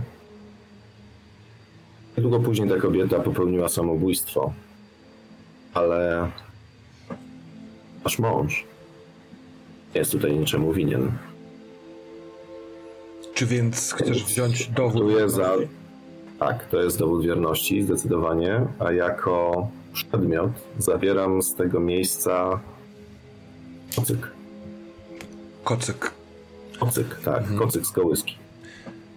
Czy Ciepły w dotyku kocyk, wykonany z jakiegoś bardzo miłego w dotyku materiału, który podkreśla tak jakby dobre intencje naszego męża.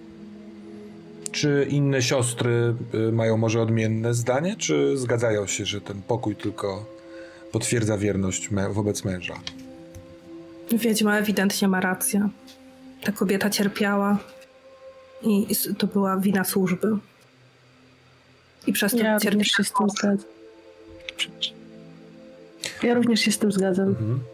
Zatem wiedźmo zakreśl... y, jedną, jedną traumę możesz wykreślić, masz o jedną mniej, bo tak zdecydowałaś. Opuszczacie y, to pomieszczenie.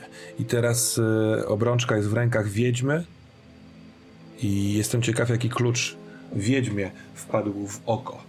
Choć najpierw przekażę tylko, że kiedy wyszłyście, wyszła żona z tego pomieszczenia, to, to słońce y, niemal całkowicie zaszło.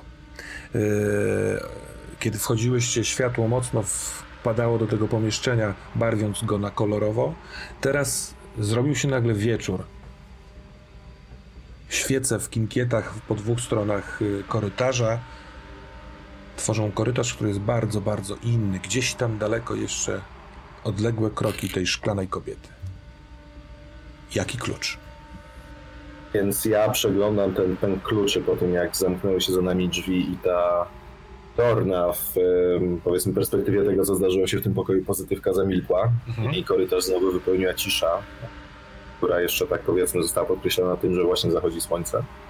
Jakieś jego ostatnie promienie wpadają przez em, ogromne okna, o których wspominałem wcześniej, kiedy zwróciłem uwagę na ten dom.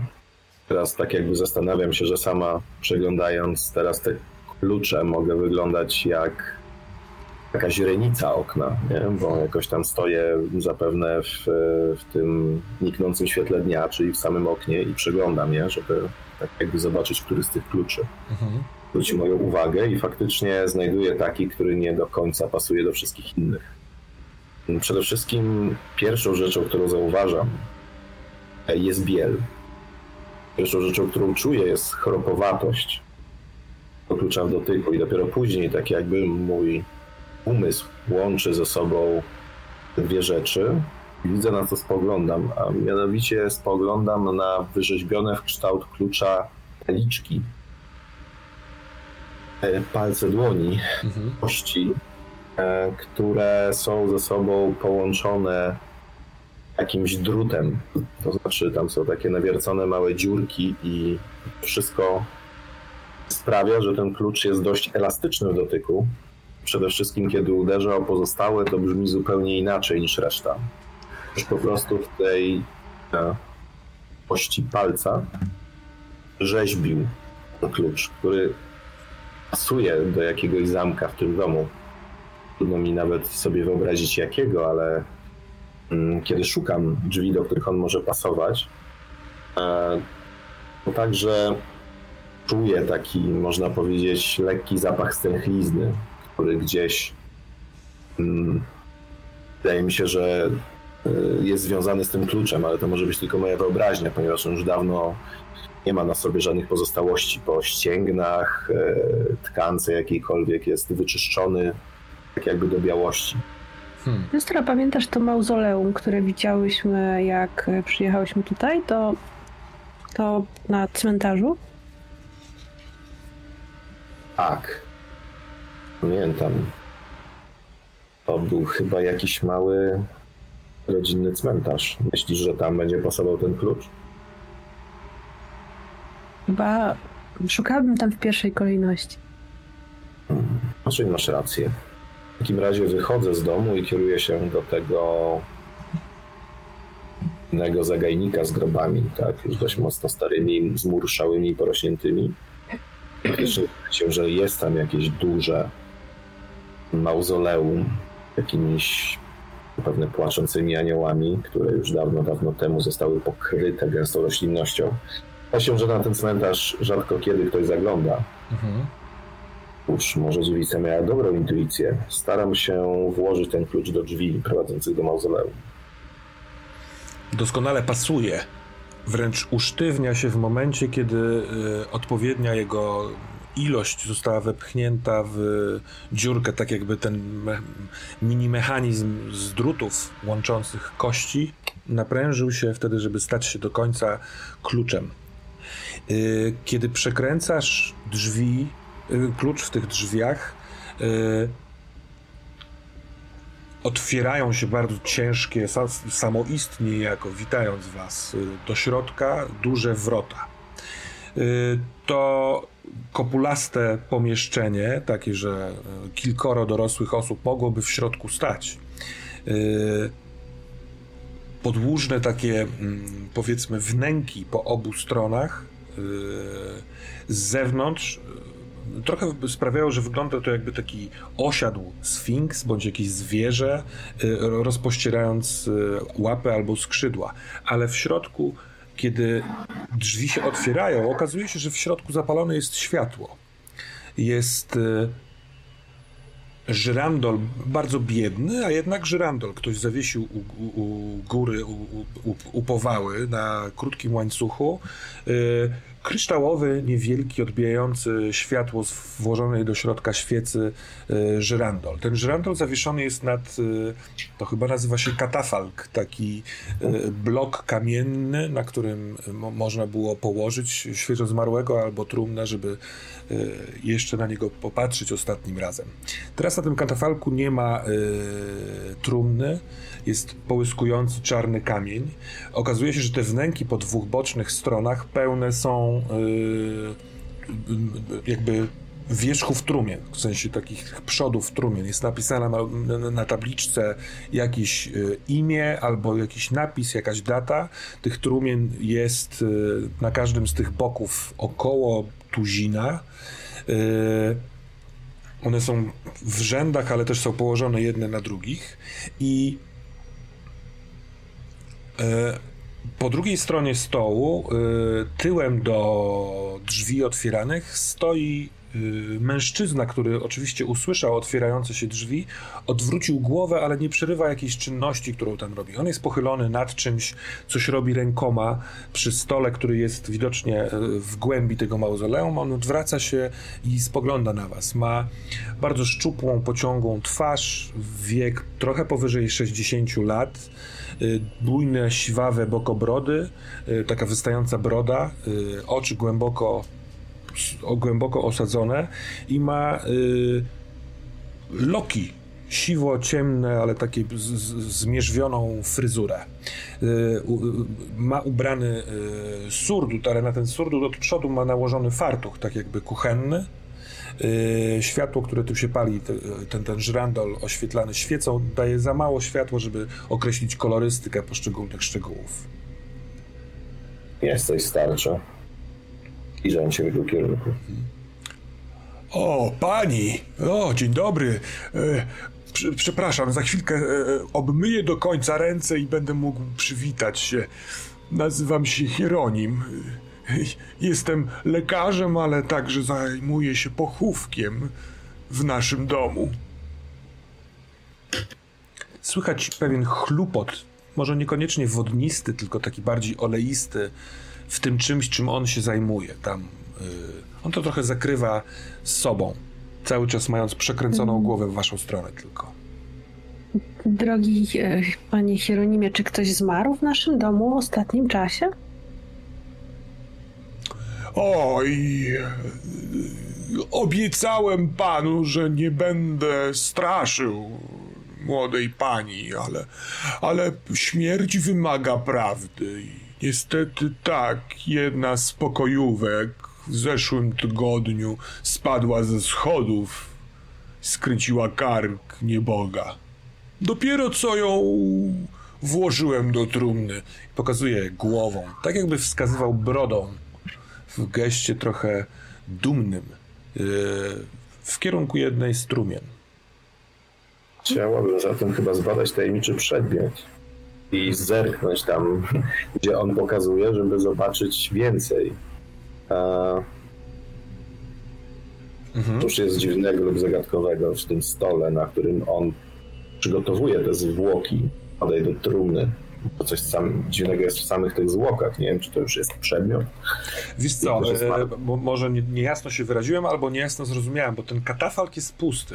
On jak wskazał kierunek, to wskazał jedną z trumien we wnęce, więc... Tak, tak, tylko mówię, że on coś robi na stole, nie? Tak, on robi coś na stole takim, który jest w głębi i który... O ten stół mi chodzi, bo on go trochę zasłania, nie? Mhm. Tak, czyli, tak. Czyli żona trochę podchodzi, trochę wychyla się z nad jego ramienia i chce zajrzeć, co tam się dzieje. Yy, Yy, jest dosyć duża miska, taka kamienna. On trzyma obie dłonie, ma trochę podciągnięte rękawy koszuli i tego, tej marynarki.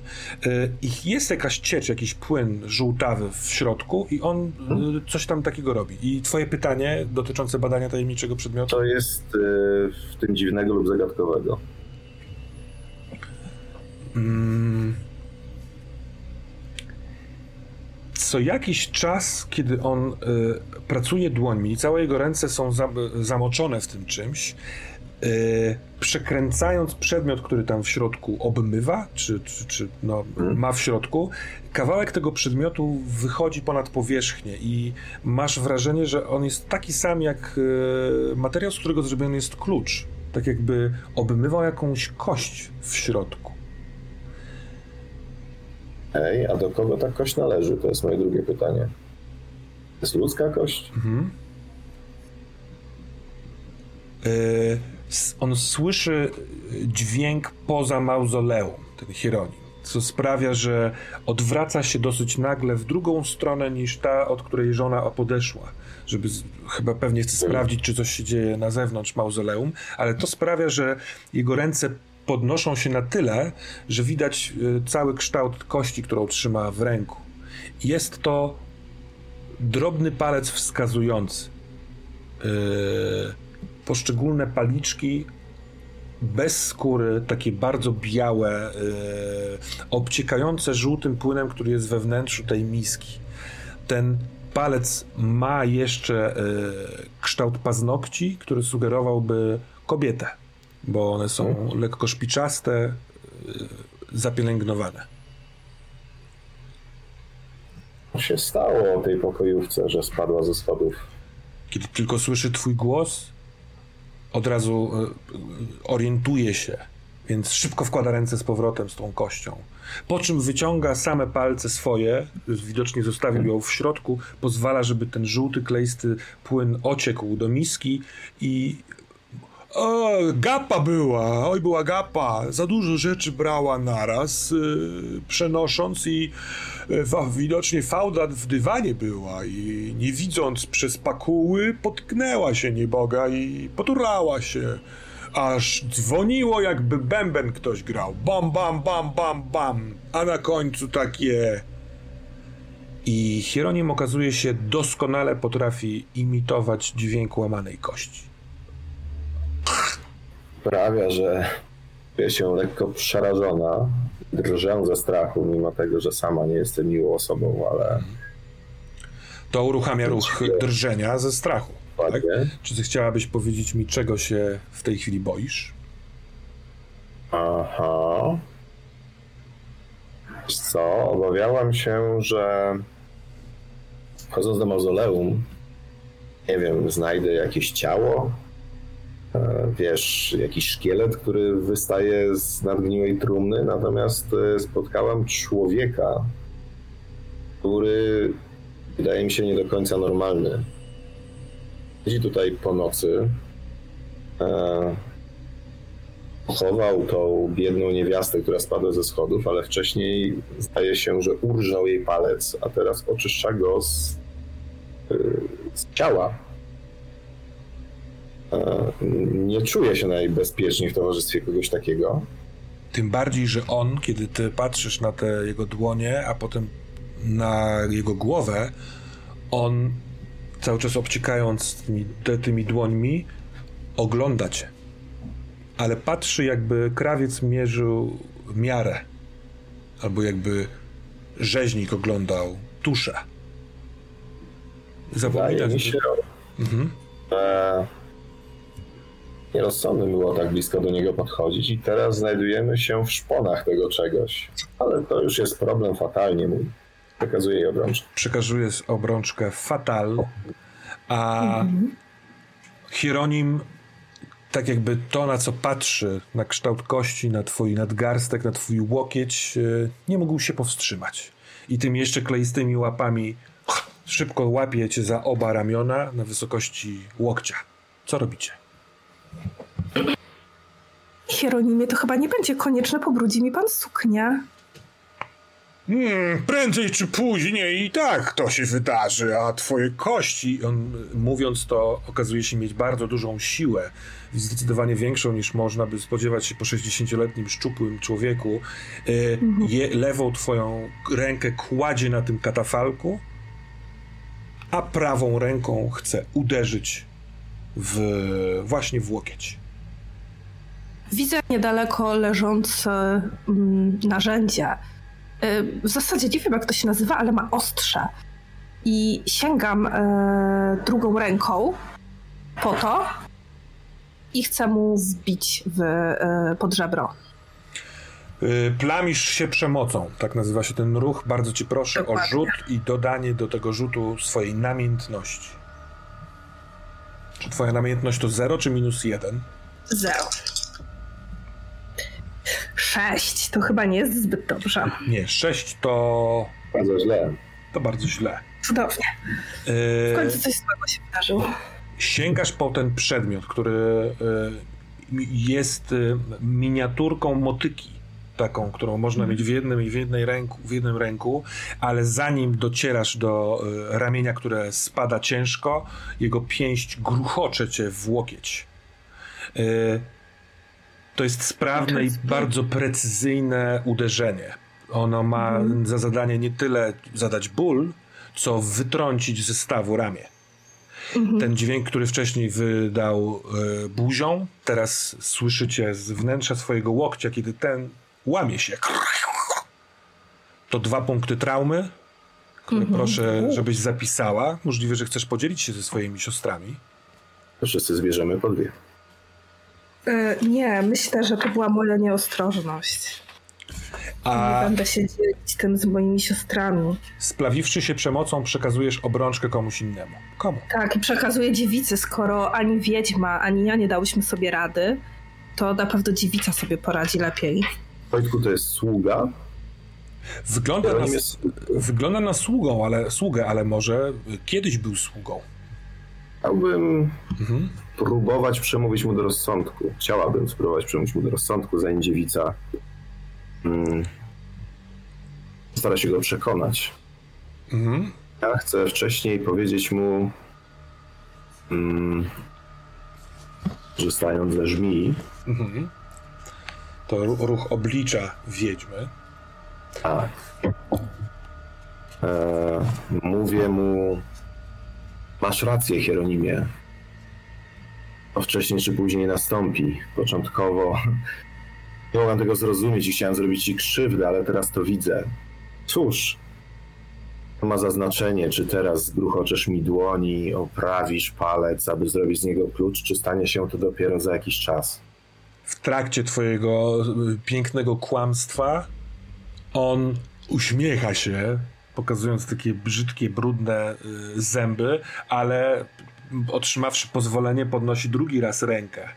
Całkiem możliwe, że on za pomocą kilku uderzeń w ten łokieć chce oderwać rękę od reszty ciała.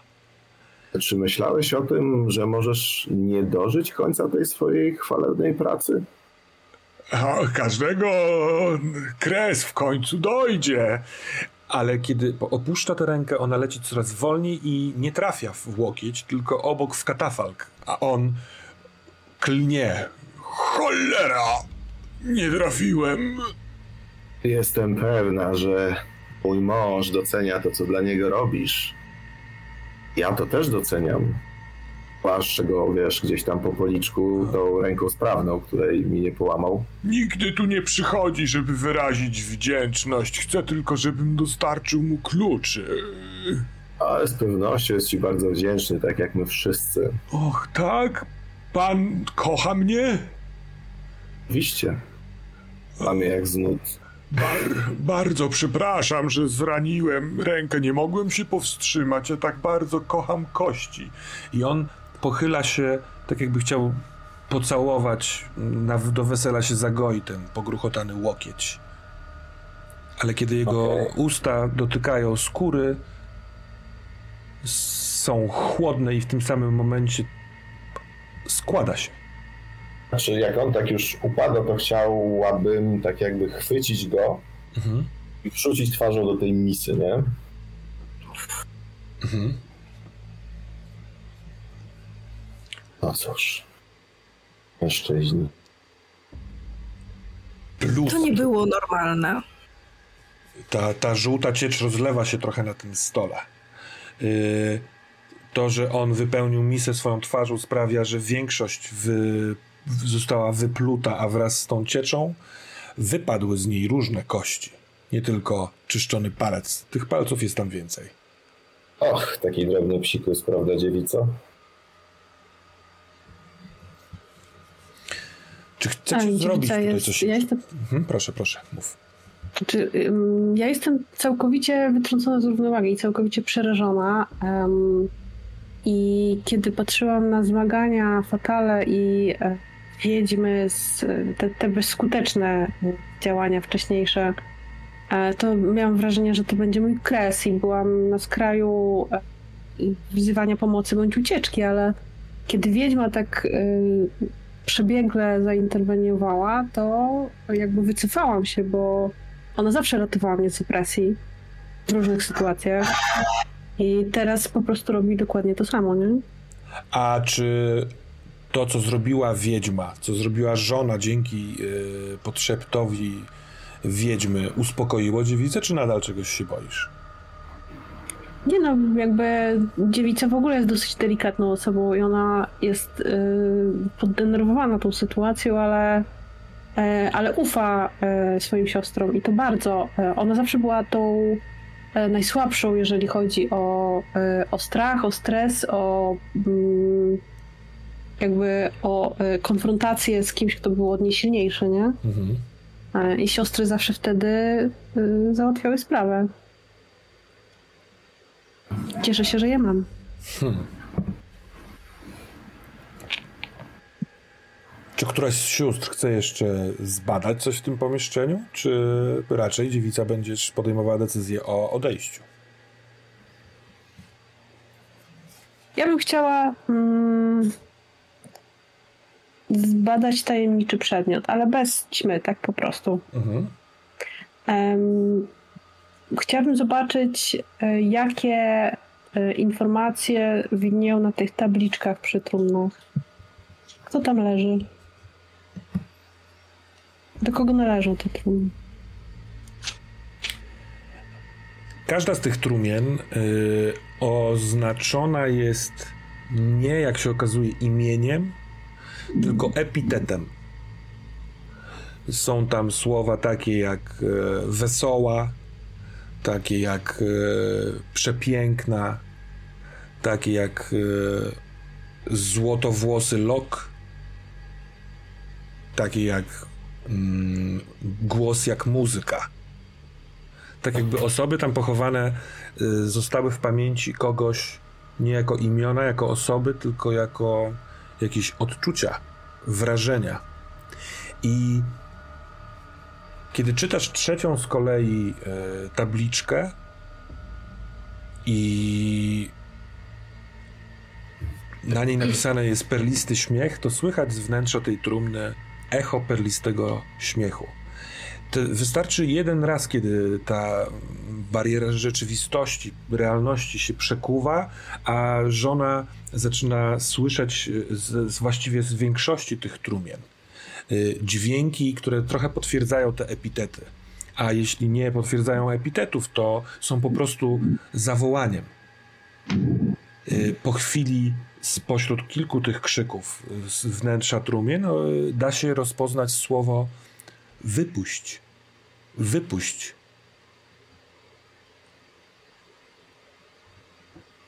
Chcesz y, zadać może drugie pytanie y, tak, dotyczące tego ruchu? Chciałabym dowiedzieć się, dlaczego mm, mój małżonek właściwie zatrzymał te trumny tutaj. Co one tutaj robią i co dla niego znaczą?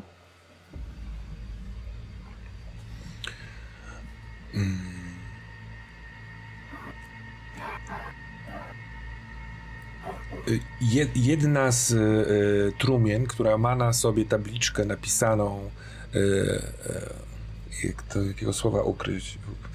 Mm, bezczelny urwis. Słychać stamtąd głos. Nie zniosę go, jeśli jeszcze raz będzie na mnie spoglądał. Błagam, wypuść, wyrzuć gdziekolwiek me kości. Nie chcę, by przychodził tutaj i patrzył na nas, triumfalnie się uśmiechając.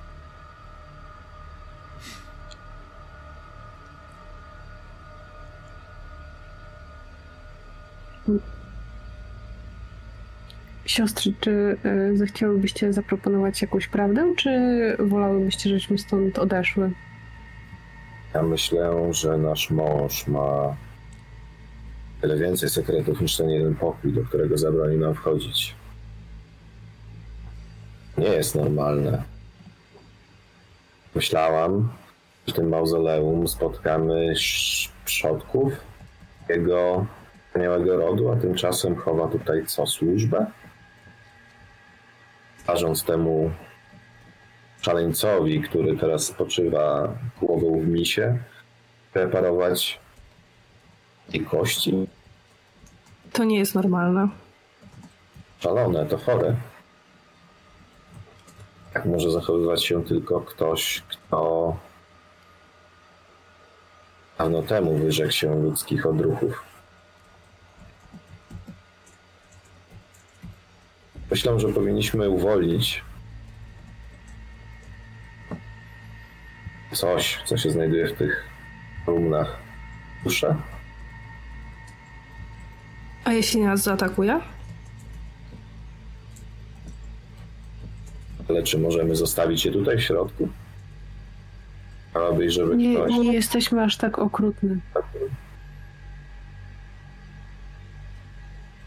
Na szczęście Hieronim już nie żyje, bo być może kiedyś też my byśmy skończyli w takim drewnianym pudełku i tutaj uderzam ręką w jedno strumienne. Tak, potwierdzenie swoich słów. Żona... Myślę, że to, że on nie żyje, to zupełnie e, nie oznacza, że nie skończymy. Kiedy żona wspomina, wszystko, żeby tak skończyć. wspomina imię Hieronima, to yy, spogląda w jego stronę. On cały czas jest nachylony do tego stołu z twarzą w misce, tak jakby się yy, jakoś zahaczył, usztywnił. Nie może opaść na glebę. A z miski zaczyna unosić się taka delikatna para. Myślę, że co byśmy nie postanowiły, to raczej trzeba zrobić to szybko. Wynosić się stąd. Do, że dołączymy do tej chorej menażerii. Wypuść, wypuść, bo inaczej sama tu trafisz, a wtedy się zemścimy. Wypuść, wypuść. Bardzo różne głosy, coraz z większą częstotliwością, już nie prezentują tylko tych swoich cech charakterystycznych, tylko proszą o wolność. To te głosy i te błagania po prostu łamią mi serce, więc chwytam za taką rączkę przytwierdzoną do tego wieka e, pierwszej lepszej trumny, którą do tego urwisa e, Mhm. Tą, tą, tą, która była opisana tabliczką o tym urwisie. I po prostu wyciągam ją z tej e, komory, z tej, z tej e, nie wiem, dziury, tak? W ścianie, w, w którą jest wsunięta. Mhm. E, na tyle, na ile mogę. Oczywiście szarpię się z tym, bo trumna jest ciężka. Nie. E, ale nie? Jest lekka. Nieoczekiwanie lekka, tak jakby w środku nie było ciała. Mhm. Więc ten ruch, który miał mieć dużo siły, okazuje się, że ma dużo więcej niż było potrzeba, i ta trumna mhm. wypada z tego stosu, uderza o podłogę i okazuje się być bardzo stara, bo pęka. Mhm. Wreszcie. Ten dźwięk już nie jest dźwiękiem bezczelnego urwisa. Ten sam głos, ale mający, noszący inną intencję i emocje. Eee, ze środka trumna jest rozrywana bardzo szybko przez białe kości. Na razie tylko tyle widać. Pozostałe trumny krzyczą głośno: Wypuść nas też, wypuść nas też, siostro, wypuść, wypuść, wypuść! Co robicie?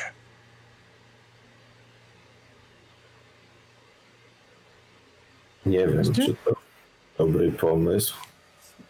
Ja chciałabym zadbać o tą duszę, która e, wychodzi z trumny. Myślę, że jeżeli tego nie zrobimy, to, to ona nas po prostu zaatakuje. Mhm. E, chciałabym z tą osobą porozmawiać.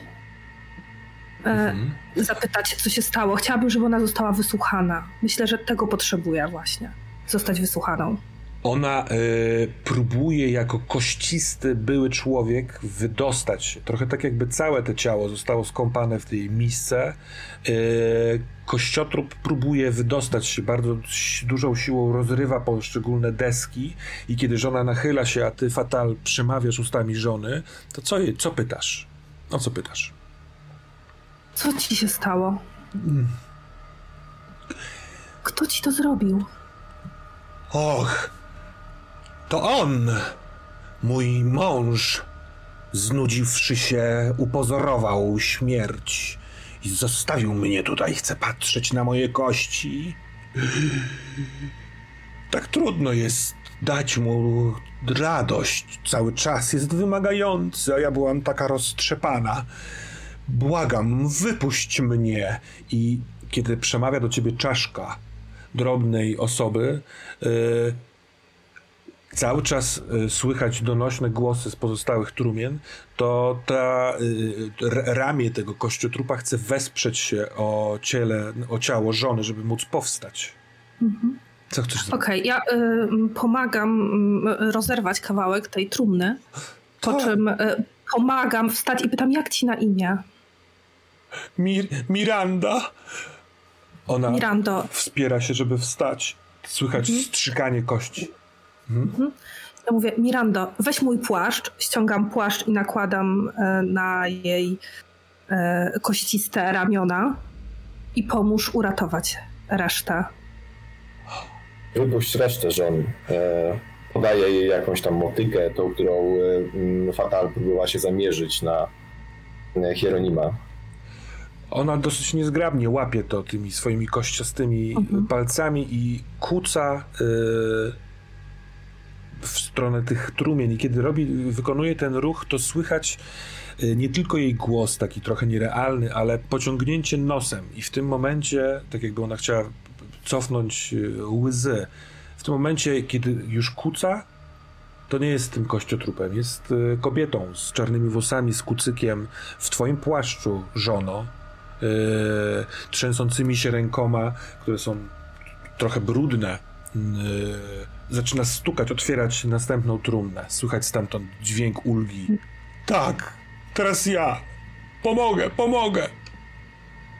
Dziewico, powiedz nam, co tutaj się wydarzyło i uciekajmy stąd.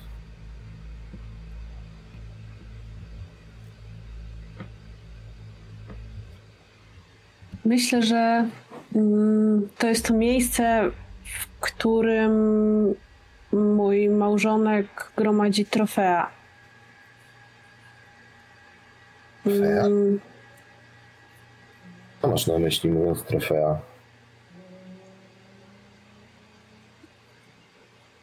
Pozostałości po mm, wszystkich tych kobietach, które mm, straciły tutaj życie. Ale Dlaczego to robi? Po co to robi? Chore. Kiedy tutaj przybyłam, byłam przekonana, że to, co się dzieje, to najwspanialsza rzecz e, w moim życiu. E, ale teraz widzę, że nie tylko ja tak myślałam i że przed nami siostry były tutaj dziesiątki takich kobiet jak my.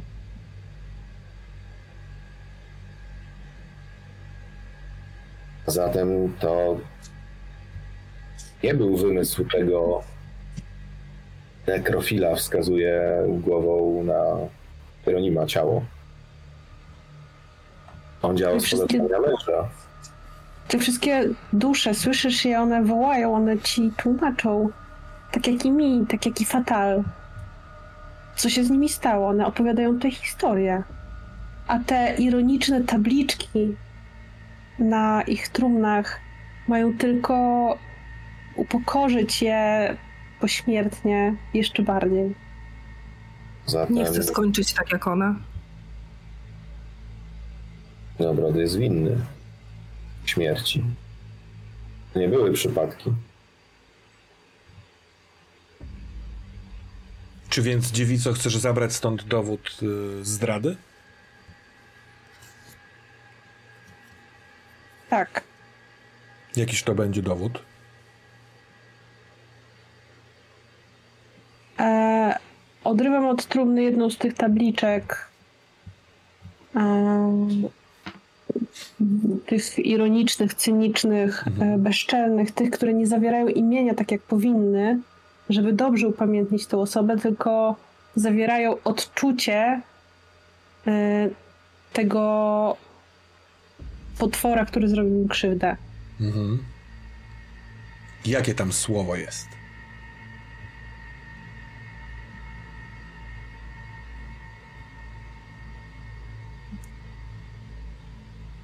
Siostry?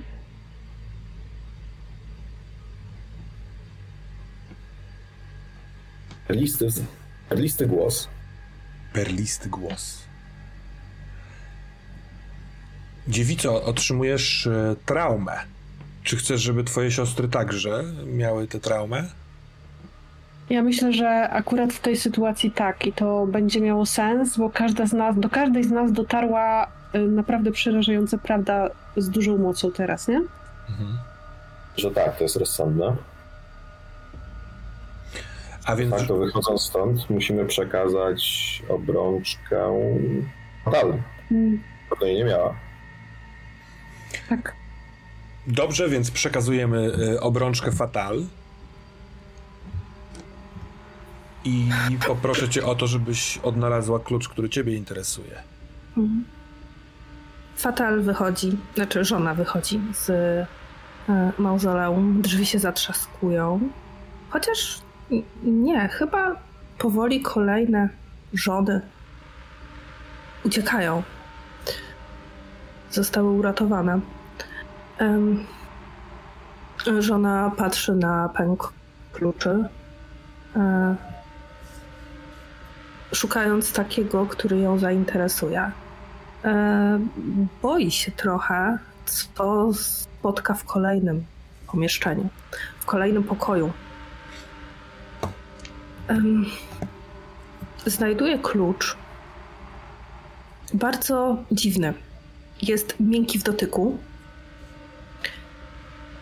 I kiedy lepiej się przygląda, stając w e, świetle latarni, która jest niedaleko mauzoleum, Mm, Widzi, że jest z papieru. Są tam jakieś słowa mm, w dziwnym języku, którego nie rozumie. Ym, I rusza w kierunku domu. Mm, To musi być klucz do może biblioteki, może gabinetu. I idzie szukać tych drzwi. E, biblioteka znajduje się na pierwszym piętrze, e, właściwie na wprost schodów. Drzwi wyglądają jakby same były z papieru, choć nie jest na nich nic napisane. E, ten delikatny klucz e, wydaje się nie mieć wystarczającej siły, masy, żeby otworzyć drzwi, ale takie drzwi akurat daje się otworzyć papierowym kluczem. Yy, towarzyszy temu szelest bardziej niż yy, chrzęst czy kliknięcie. I kiedy otwierają się te drzwi, to z wnętrza dobiega muzyka.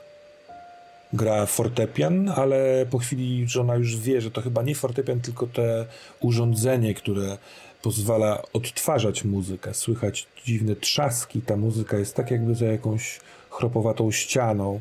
Muzyka jest spokojna, yy, bardzo relaksująca. I niesłychanie wysokie półki z książkami w bardzo ciasnym e, pomieszczeniu. E, wybór Sinobrodego, żeby w takim niewielkim pomieszczeniu umieścić bibliotekę, mógłby dziwić, ale on po prostu zrobił dwupiętrową tą bibliotekę. Taka drabina, która przejeżdża na przymocowanym y, przy takim, takiej prowadnicy, można ją przesuwać wzdłuż odpowiednich regałów, wysuwać w górę i wchodzić y, do poszczególnych y, książek. W pomieszczeniu jest szczelina pomiędzy tymi regałami, akurat tak, żeby wetknąć jedno z tych wysokich okien to stamtąd w, w ciągu dnia wpada światło, ale tam też ustawiona jest e, lampa, którą można wykorzystywać wieczorem. Teraz e, bardzo wygodny, skórzany fotel, który ustawiony jest właśnie w tej szczelinie, jest pusty. Obok na niewielkim stoliku jest specyficzna książka, bo ma mały format, niewiele kartek. Te kartki są pomięte, tak jakby może były wilgotne, a może często używane, do, obracane w palcach. E, okładka ma lekko wygięte rogi, też tak jakby często była użytkowana i jest miękka, a nie utwardzana.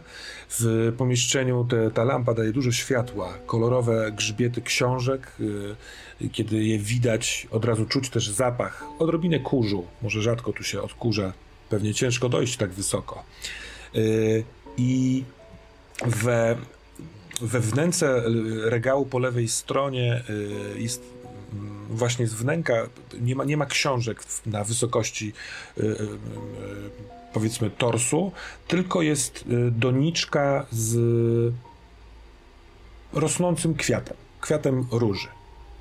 On jest tak ustawiony, że ktoś, kto siada, siedzi na fotelu i czyta, czyta sobie książkę, co jakiś czas może przewracając stronę, rzucić okiem delikatnie w stronę tego kwiatu, na pewno yy, na pewno to piękny widok.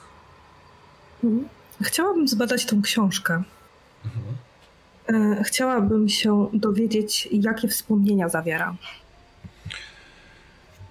E, akurat wspomnień zawiera mnóstwo, bo okazuje się to być w, e, spisanym pamiętnikiem.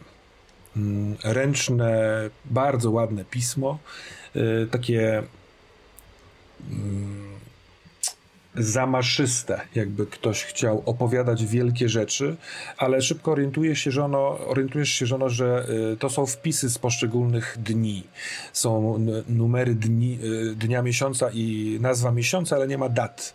Natomiast y, kolor papieru i kolor atramentu wskazuje, że to dawno temu pisane wspomnienia. Wspomnienia kobiety, która zakochała się w mężczyźnie o niebieskiej brodzie, i której dane było żyć z nim. Y, opisywane są y, schadzki, opisywane jest wspólne mieszkanie w tym wielkim domu, w którym czasami trzeba było się szukać, tak jest duży, czasami trzeba było na siebie czekać, ale zawsze było warto, gdyż nie ma czulszego człowieka niż on, który wiedział, co kobieta potrzebuje, dlatego w miejsce ulubione dla mnie, czyli bibliotekę, wstawił doniczkę z moim ulubionym kwiatem.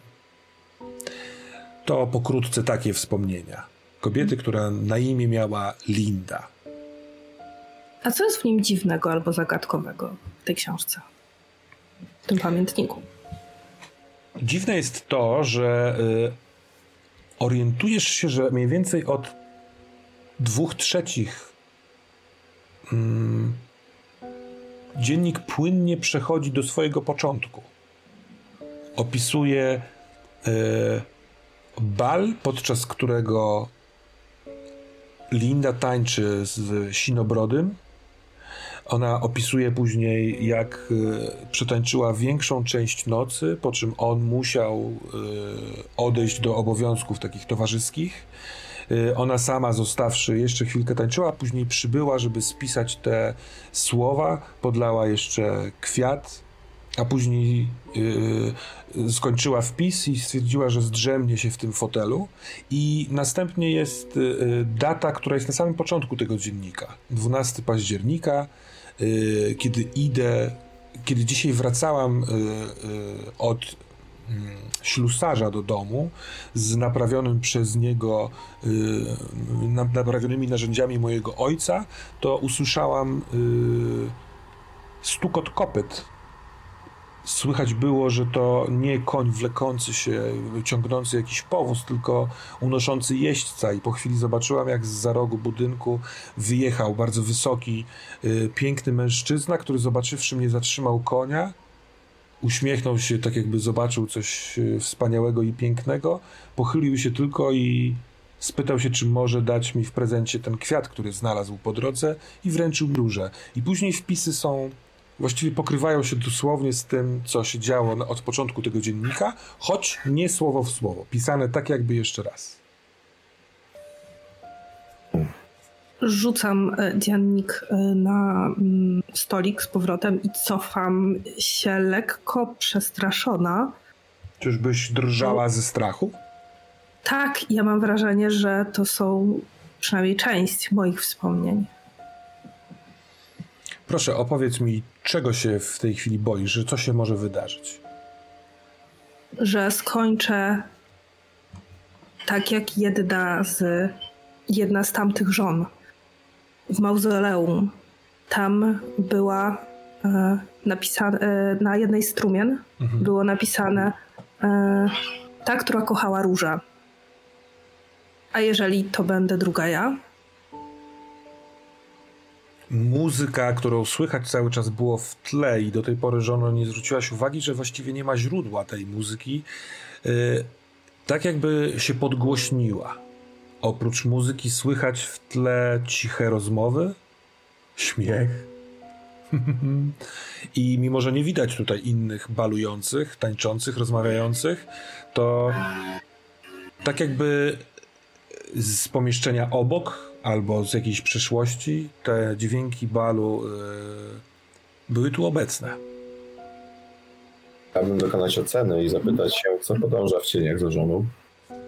Mm, a poczekaj jeszcze chwileczkę, Wiedźmo. Dokończmy co? ruch drżenia ze strachu, który ma Fatal, bo Jasne. w tym y, tańcu, w sensie w, tym, y, w tej muzyce y, kiedy żona rozgląda się, żeby sprawdzić, czy naprawdę, na pewno nie ma tutaj jakiegoś urządzenia, które nadaje tę muzykę, albo może jakiś szparyw do innego pomieszczenia, to dostrzegasz, że ten kwiat, ta róża wyrosła znacznie bardziej z doniczki i kieruje swój kielich w stronę żony. E, z, to z wnętrza tego kwiata unosi się muzyka, a także do, dociera do was dźwięk głosu, który doskonale znacie. Głosu Sinebrodego. Kochanie, idź zdrzemnij się do swojej biblioteki. Ja tu jeszcze chwilkę muszę porozmawiać o interesach. Znudziłoby cię to. Poczekaj tam na mnie, przyjdę i zaniosę cię do naszego łoża.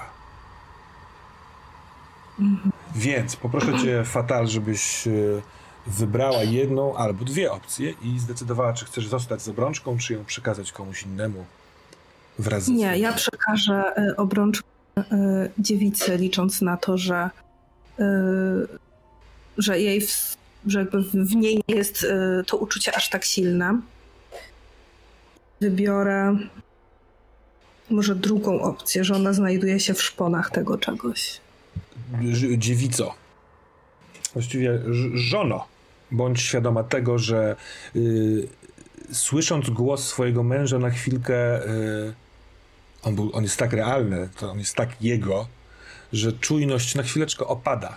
I to wystarczy, żeby ten kwiat przyczepił się prosto do twojego nosa. Tak jakbyś chciała go powąchać, ale on y, dużymi płatkami kwiatu obłapia cię za głowę i nozdrza i usta wypełnia zapach i smak y, takiego kwitnącego, zbliżającego się do przekwitnięcia kwiata, kwiatu róży. Co robicie? No ja zaczynam się szamotać z tą rośliną, która oplątuje mnie coraz bardziej. Eee, czuję takie drobne igiełki róży, które wpijają się w moją szyję, ramiona. Tak jakby cała ta roślina próbowała, nie wiem, uwięzić mnie, tak? W, w plątaninie swoich pnączy. To ona w momencie I- tego oplatania wręcz y, popycha cię, co sprawia, że siadasz na tym fotelu, y, owinięta łodygą, ale cały czas z kwiatem na ustach i na nosie. To jest, y, są dwie traumy, które zanim podejmiesz decyzję, co zrobić dalej, przypisz sobie albo wszystkim siostrom. Przypisuję sobie, bo e, wydaje mi się, że jestem najmniej odporna na taką fizyczną przemoc z nas, nas wszystkich trzech. E, I jakby nie ma potrzeby, żeby siostry również odczuwały taki stres jak ja teraz, nie? Mhm. E, natomiast em, jakby ja nie umiem się przed, takimi, przed taką przemocą bronić. E, jakby y, dziewica jest, jest, jest delikatna, jest kobieca, ale jest przez to też bardzo słaba fizycznie. W związku z czym jedyne, co jej przychodzi do głowy, to ruch obrączki, czyli wzywanie pomocy. W sensie zaczynam krzyczeć, Mhm. jakby szukając pomocy u kogoś, kto być może mnie usłyszy w tym wielkim, przepastnym domu. Jakże surrealny jest ten krzyk, który trochę jest stłumiony przez te wszystkie płatki i kwiat oraz kiedy ty krzyczysz, wypuszczając powietrze, wzbijasz jeszcze więcej tego pyłku. Pachnie przecudnie ten straszliwy moment. Rzuć proszę dwoma szóstkami i dodaj swoją odporność. Już rzuciłam, e, mam 8 łącznie. 8. Uda ci się wezwać pomoc, ale całkiem możliwe, że yy, żeby pomoc została dopełniona, będziesz musiała udowodnić swą wierność. Na ten krzyk na pomoc, na pomoc, na pomoc, na pomoc, stłumiony taki, yy, o, czujesz, żono, że y, y, y, wykrzyczenie tych słów sprawiło, że jeszcze mniej powietrza masz w rezerwach. I zaczyna się być od tej słodkości kręcić w głowie. opiera się twoja głowa już o oparcie. Całkiem możliwe, że ta zdrzemka, o której pro, którą proponował Sinobrody, zaraz się wydarzy. Kiedy oczy się zamykają, to ostatnie co widzą, to otwierane drzwi.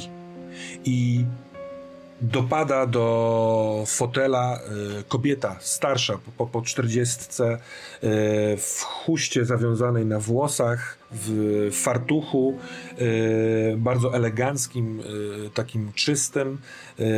Ma spódnicę za kolana, ma buty na obcasach, biała koszula z falbankami, z koronkami na, na przygubach. I ona biegnąc do fotela wypuszcza chyba szmatę, może jakiś materiał, może jakieś ubranie, teraz, że ona nie jest w stanie tego stwierdzić i kładzie swoje ręce na twarzy. Yy, Na twojej twarzy.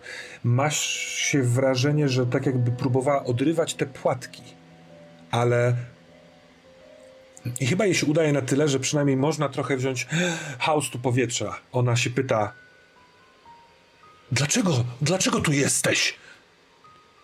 Co zrobiłaś z kwiatem, pani? Mąż mój dał mi klucze do tej biblioteki, abym zwiedzała, zwiedziła, co jest w środku, abym poznała cały dom. Ale wszak róże to jego ulubione kwiaty, nie można się nimi bawić. Dlaczego zdejmowałaś doniczkę? Pani, ale ja nic jej nie zrobiłam. Ta roślina sama oplotła się dookoła mnie. Oplotła? I ona odstępuje. I kiedy ona odstępuje, to tak jakby y, robiła miejsce na powietrze. Oddech już jest pełen i siedzisz z doniczką z różą na kolanach i ta róża rzeczywiście jest bardzo blisko, ale wygląda na to, że przynajmniej w jej oczach, że ją zdjęłaś z półki. Czy to możliwe? Albo czy ona podała ci ją? Grając w jakąś grę? Co jej mówisz? Ona patrzy na ciebie z ze sceptycyzmem. Pani, czy mąż mój e, nie, nie ufałby mi, gdyby nie zostawił mi kluczy do tego miejsca i nie pozwoliłby mi tutaj wszędzie wchodzić? On po prostu wie, że ja jestem wobec niego lojalna i pozwala mi na takie rzeczy, bo. Bo. Cóż, jestem jego wybranką, jestem jego żoną. Bardzo przepraszam pani, że rzeczywiście przez chwilkę wątpiłam. Teraz widzę pęk kluczyk w twoich rękach. Po prostu była tu kiedyś osoba, która nie dbała o to, czego chciał Sinobrody. I mówiła wszystkim, chwaliła się, że jest jego oblubienicą, a tak naprawdę wykorzystywała jego hojność, dobroć. Ukradła jeden z kwiatów bardzo rzadkiego szczepu róży, który on hodował w swoim pokoju i zniknęła. I ona sięga, żeby złapać tę doniczkę, żeby ją odstawić na miejsce. Mhm. Co robisz? Czy ja mogę przekazać Tak, e, poproszę, pierścień żebyś w tym przekazała. momencie? Mhm. Chciałabym przekazać pierścień Wiedźmin.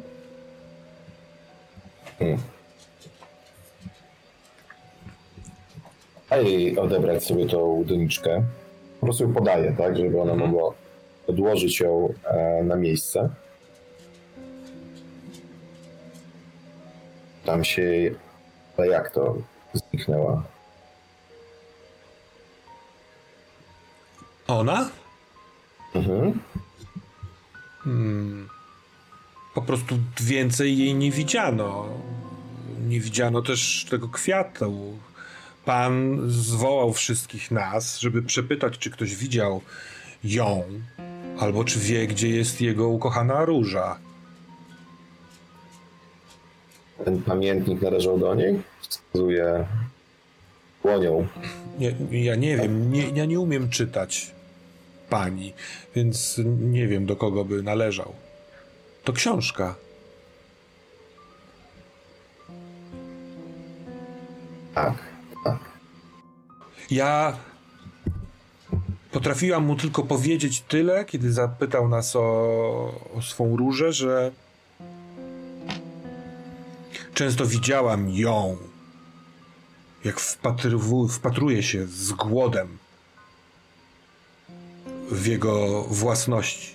Raz nawet zdarzyło mi się popchnąć jedną z jego dam, kiedy ta próbowała przymierzyć suknię, która była przeznaczona dla kogoś zupełnie innego. Ona potknęła się i śmiesznie stukała obcasami. Bam, bam, bam, bam.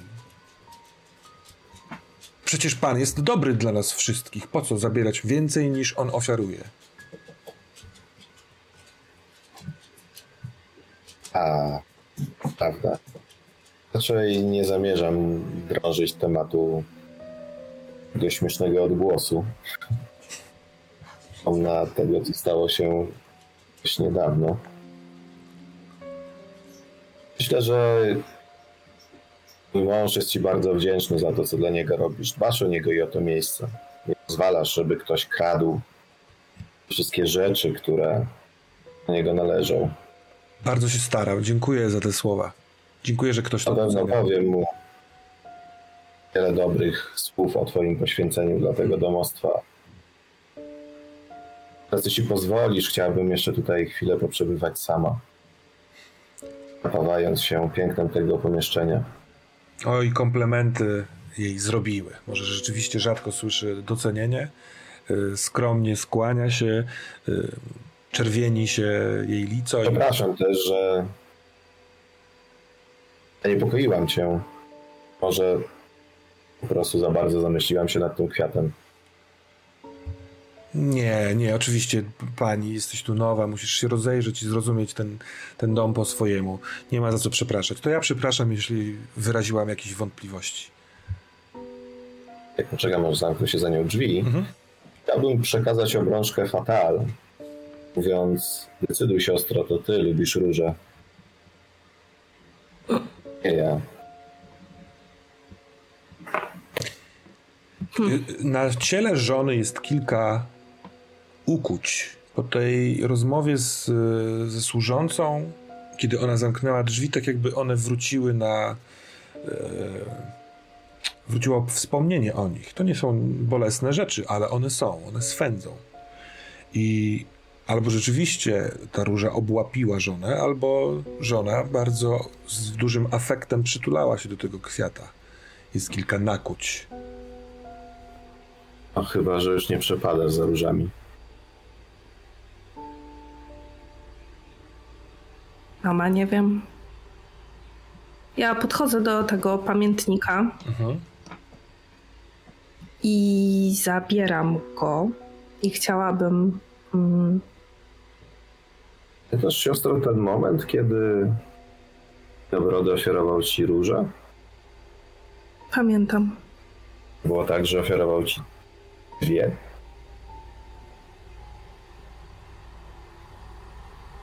Dwie? Tak, tak mi się wydaje, że były tam dwie. Zawsze myślałam, że daje się nieparzyste liczby. Może masz rację, może faktycznie były dwie? Jedną cały czas mam i z włosów byłoby bez sensu. Mam wianek na, na, na, na głowie. Mhm. I w ten, e, w ten wianek jest wpleciona jedna z tych róż. A drugą chyba zostawiłam w domu. Tak. Jest dużo? Wskazuje na to w doniczce. Hmm. Podchodzę do tej róży w doniczce jeszcze raz i mhm. dotykam jej płatku. Zastanawiając się nad tym, czy to faktycznie tak było? Czy ja czegoś nie pamiętam? Już dzisiaj wiele razy miałam takie wrażenie, że coś jest nie tak, że coś mi umyka. Hmm. Otwieram jeszcze raz ten pamiętnik i, i, i przyglądam się temu pismu, czy. Czy ja to napisałam? Coś jest nie tak. Pismo jest y, bardzo inne niż to twoje. Mhm a jednak y, poszczególne słowa albo dobór słów, albo y, tre, właściwie w treści chyba jest najwięcej podobieństw. Ona czasami zachwyca się rzeczami w tym domu, którymi ty też chyba mogłabyś się zachwycić. Yy, wzrokiem innych ludzi, którzy patrzą na ciebie i myślą sobie, ależ, ależ szczęście ma ten sinobrody. Yy, albo podoba, co innego mogło podobać się tej Lindzie, co też podobało się by tobie, Fatal? Mm. Myślę, że ogród. Przede wszystkim właśnie ogród, kwiaty. Jeszcze nie byłam w ogrodzie. Mhm. Nie wiem, co tam znajdę, ale kiedy patrzę na te słowa, które są napisane w pamiętniku, to wierzę, że tam by mi się podobało.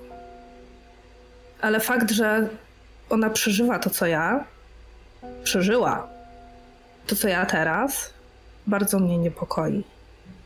Myślę, że dawno, dawno temu, chyba wiele lat temu, ten pamiętnik wygląda na bardzo stary, um, chyba faktycznie zerwała nieodpowiednią różę. Hmm. A ślady krwi, których wcześniej nie zauważyłam na fotelu, sugerują, że coś jej się chyba tutaj przytrafiło. I może to była wina mego męża? A jaki posmak teraz na ustach, trochę w nosie czuje żona? Chyba taki kwaśny. To jest zapach róży, który wcześniej sprawiał jej przyjemność, teraz wypełnia całe to pomieszczenie takim bardzo kwaśnym zapachem takim kwaśnym, jaki kojarzy się z potem? Tak. Słychać dźwięk kogoś, kto próbuje krzyknąć, ale komu zatyka się usta. Ten dźwięk mm. dochodzi z okolic fotela. Mm. Walcza, walka. Mm. Szarpanie. Yy, nie widać nikogo ale oparcie fotela, skórzane oparcie delikatnie porusza się, tak jakby ktoś yy, kręcił się, wiercił na tym fotelu. Te dźwięki yy, duszenia, trochę takie jak sama przed chwilką wydawałaś, kiedy róża cię dusiła. Słabną. I po dłuższej chwili ciszy oparcie fotela wydyma się, tak jakby ktoś, kto się opierał, wstał albo został zabrany.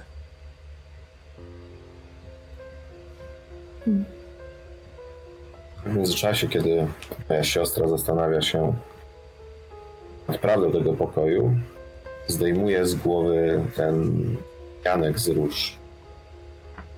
Ona myśli, ja niepokojąco pęczę w jej głowie, wyrywając kolejne płatki. Kocha?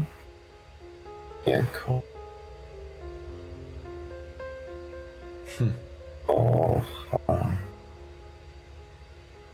Kocha. Zanim e, wiedźma dojdzie do końca, odkładam wianek na e, fotel, zabieram pamiętnik i wychodzę. I pamiętnik będzie e, dowodem zdrady. Dowodem zdrady.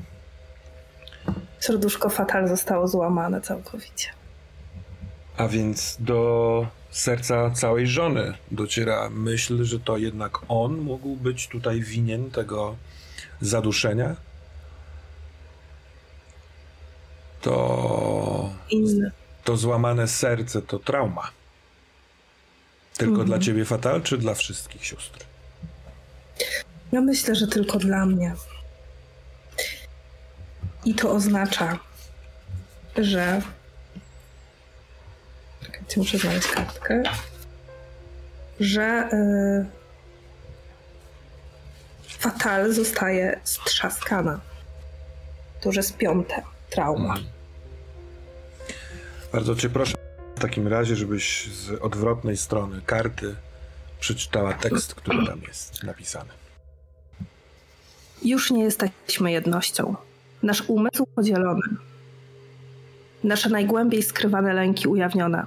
Nasza krew karmi potwory. Wszystko to przyjmuję z pokorą.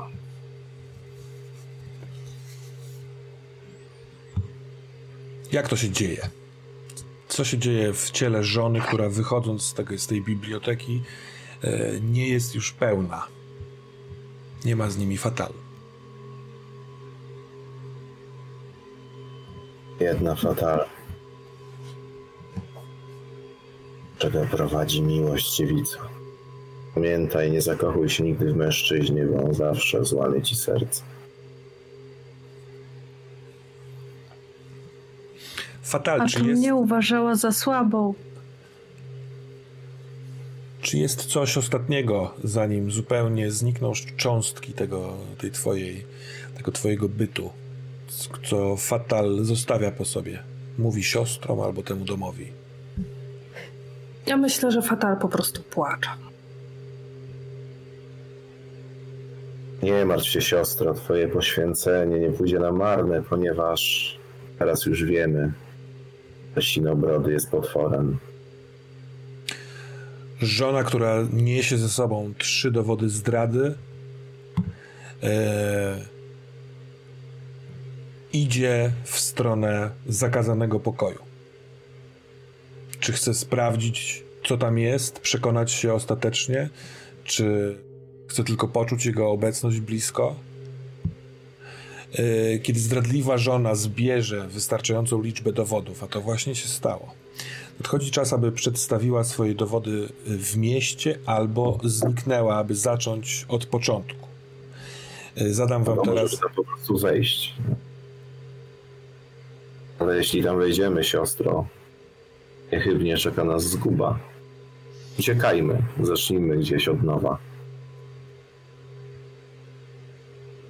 Wiedźmo, ale będziemy żyły resztę życia z piętnem naszej strzaskanej siostry. Nie możemy tego tak zostawić. Ona musi zostać. Ona musi. To wszystko musi zostać oczyszczone. Musimy. Jak mamy to To zrobić? zależy, co, za- to zależy, co zastaniemy w środku. Ale nie marnujmy jej odejścia. Ale jeśli tam wejdziemy, on nas zabije. A ludzie w mieście? Przecież muszą wiedzieć, co tu się dzieje. Nie jesteśmy pierwszą jego żoną. Uciekajmy stąd, póki jeszcze żyjemy. Tylko w ten sposób możemy dać Fatal sprawiedliwość. Ona...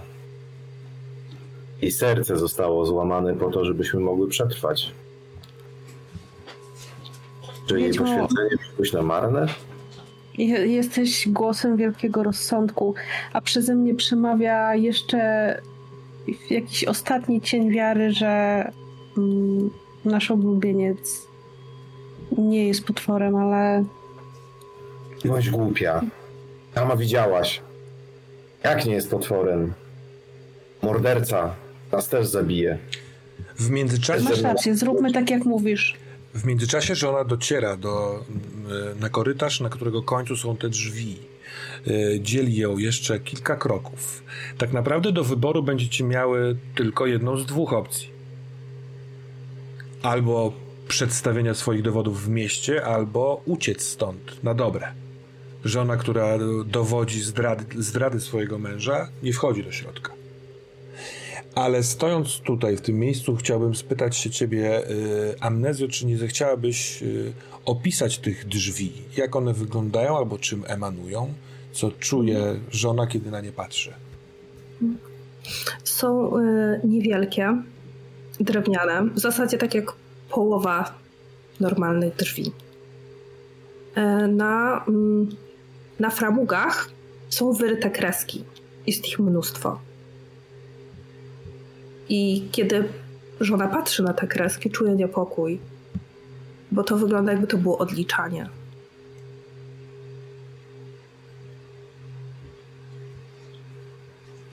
Zatem znikamy, czy idziemy do miasta? No ja się przychylam do e, tego, co mówi Wiedźma, bo dziewica zawsze uważała Wiedźmę za tą najmądrzejszą i e, po prostu ulega tym e, racjonalnym, Mhm. Żeby nie otwierać drzwi. Otwierajmy te drzwi, ucieknijmy stąd jak najdalej. W końcu, czy ktoś nam uwierzy? Cała władza pochodzi od naszego męża, bez niego jesteśmy nikim. Z krótkimi włosami. Rzutkiem. Uciekajmy. Kiedy żona decyduje się uciec, to nadchodzi kres naszej opowieści, który zamyka się w ten sposób, że zadam wam kilka pytań. To są pytania, które, y, na które możecie odpowiedzieć y, wszystkie. Strzelam, chciałbym, żebyś ty też amnezja w tym brała udział, mimo że fatal została strzaskana. Więc zacznę y, od pytania dla wiedźmy, która podjęła, najbardziej podjęła decyzję. W jaki sposób rodzina żony zapłaciła Sinobrodemu za jej nielojalność? Oczywiste, zapłaciła głową. Była się publiczna egzekucja na miejskim rynku. Ale nie wszyscy zginęli. Nasza siostra, Anabel, miała nas zastąpić. Stała nową żoną Sinobrodego. Dziewico, a w jaki sposób żona przekonała kogoś innego, aby się z nią ożenił? Mm, Ewidentnie była to zasługa dziewicy, a nie wiedźmy, która e, po małżeństwie z Sinobrodem była przeciwna wszelkim innym e, mariażom, e, przynajmniej przez jakiś czas. Ale ym, dziewica nie jest e, aspektem, który może być żyć samotnie i jakby zdobycie męża było jej celem, więc korzystając ze swoich chabrowych oczu, e, i e, gibkości i uroku po prostu uwiodła jakiegoś może mniej zamożnego, ale nadal intratnego młodzieńca. Zapuściła też włosy. Znaczy, uwodząc, korzystała troszeczkę ze sztuczek podpatrzonych wcześniej u swojej siostry, Fatal? Dobrze. E, zdecydowanie. Fatal. Dlaczego za żona zachowała dowody, które udało jej się znaleźć? Czyli kajdan, y, pamiętnik. I tabliczka. I tabliczka. Mhm. E, żeby nie zapomnieć. Bo to, co tam się wydarzyło, było straszne. I może też, żeby uczcić fatal. Mhm. Pamięć o niej, żeby nie zanikła. Wiedźmo, jakie wspomnienia z posiadłości Sinobradego sprawia, że sprawia żonie rozkosz, mimo że nie powinno? Tuż po tym, jak moja lepsza połówka zapuściła włosy i ten jej mąż włapia mnie nocami, może ja tego w ogóle nie chcę i nie pragnę, a moja siostra, wydaje mi się, że jej się to podoba. Nie. Myślę, że tak naprawdę czuję niepokojące mnie trochę ciepło rozchodzące się od łód, kiedy pamiętam, jak Hieronim umarł. Ja wrzuciłam jego głowę do misy z tą bryją. Wtedy czułam, że to ja sprawuję kontrolę, a teraz już pozostało z dumnej wiedźmy kura domowa, żyjąca łóżko jakiegoś nieudacznika. Z długimi włosami. Znaczy nie, że nieudacznika, tylko... Kura długowłosa. Długowłosa kura. Dziewica. Ostatnie pytanie. Jaki kochający gest wykona Sinobrody, kiedy w końcu cię odnajdzie?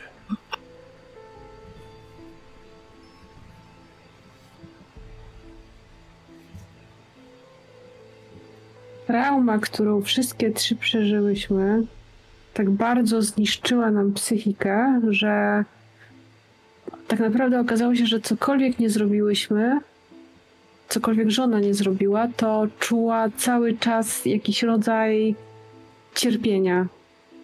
E, I to cierpienie pogłębiało się z każdym dniem, pomimo iż wyszły ponownie za mąż, pomimo iż urodziła temu nieudacznikowi, jak wiedźma powiedziała, życie, e, dzieci, mhm. przepraszam.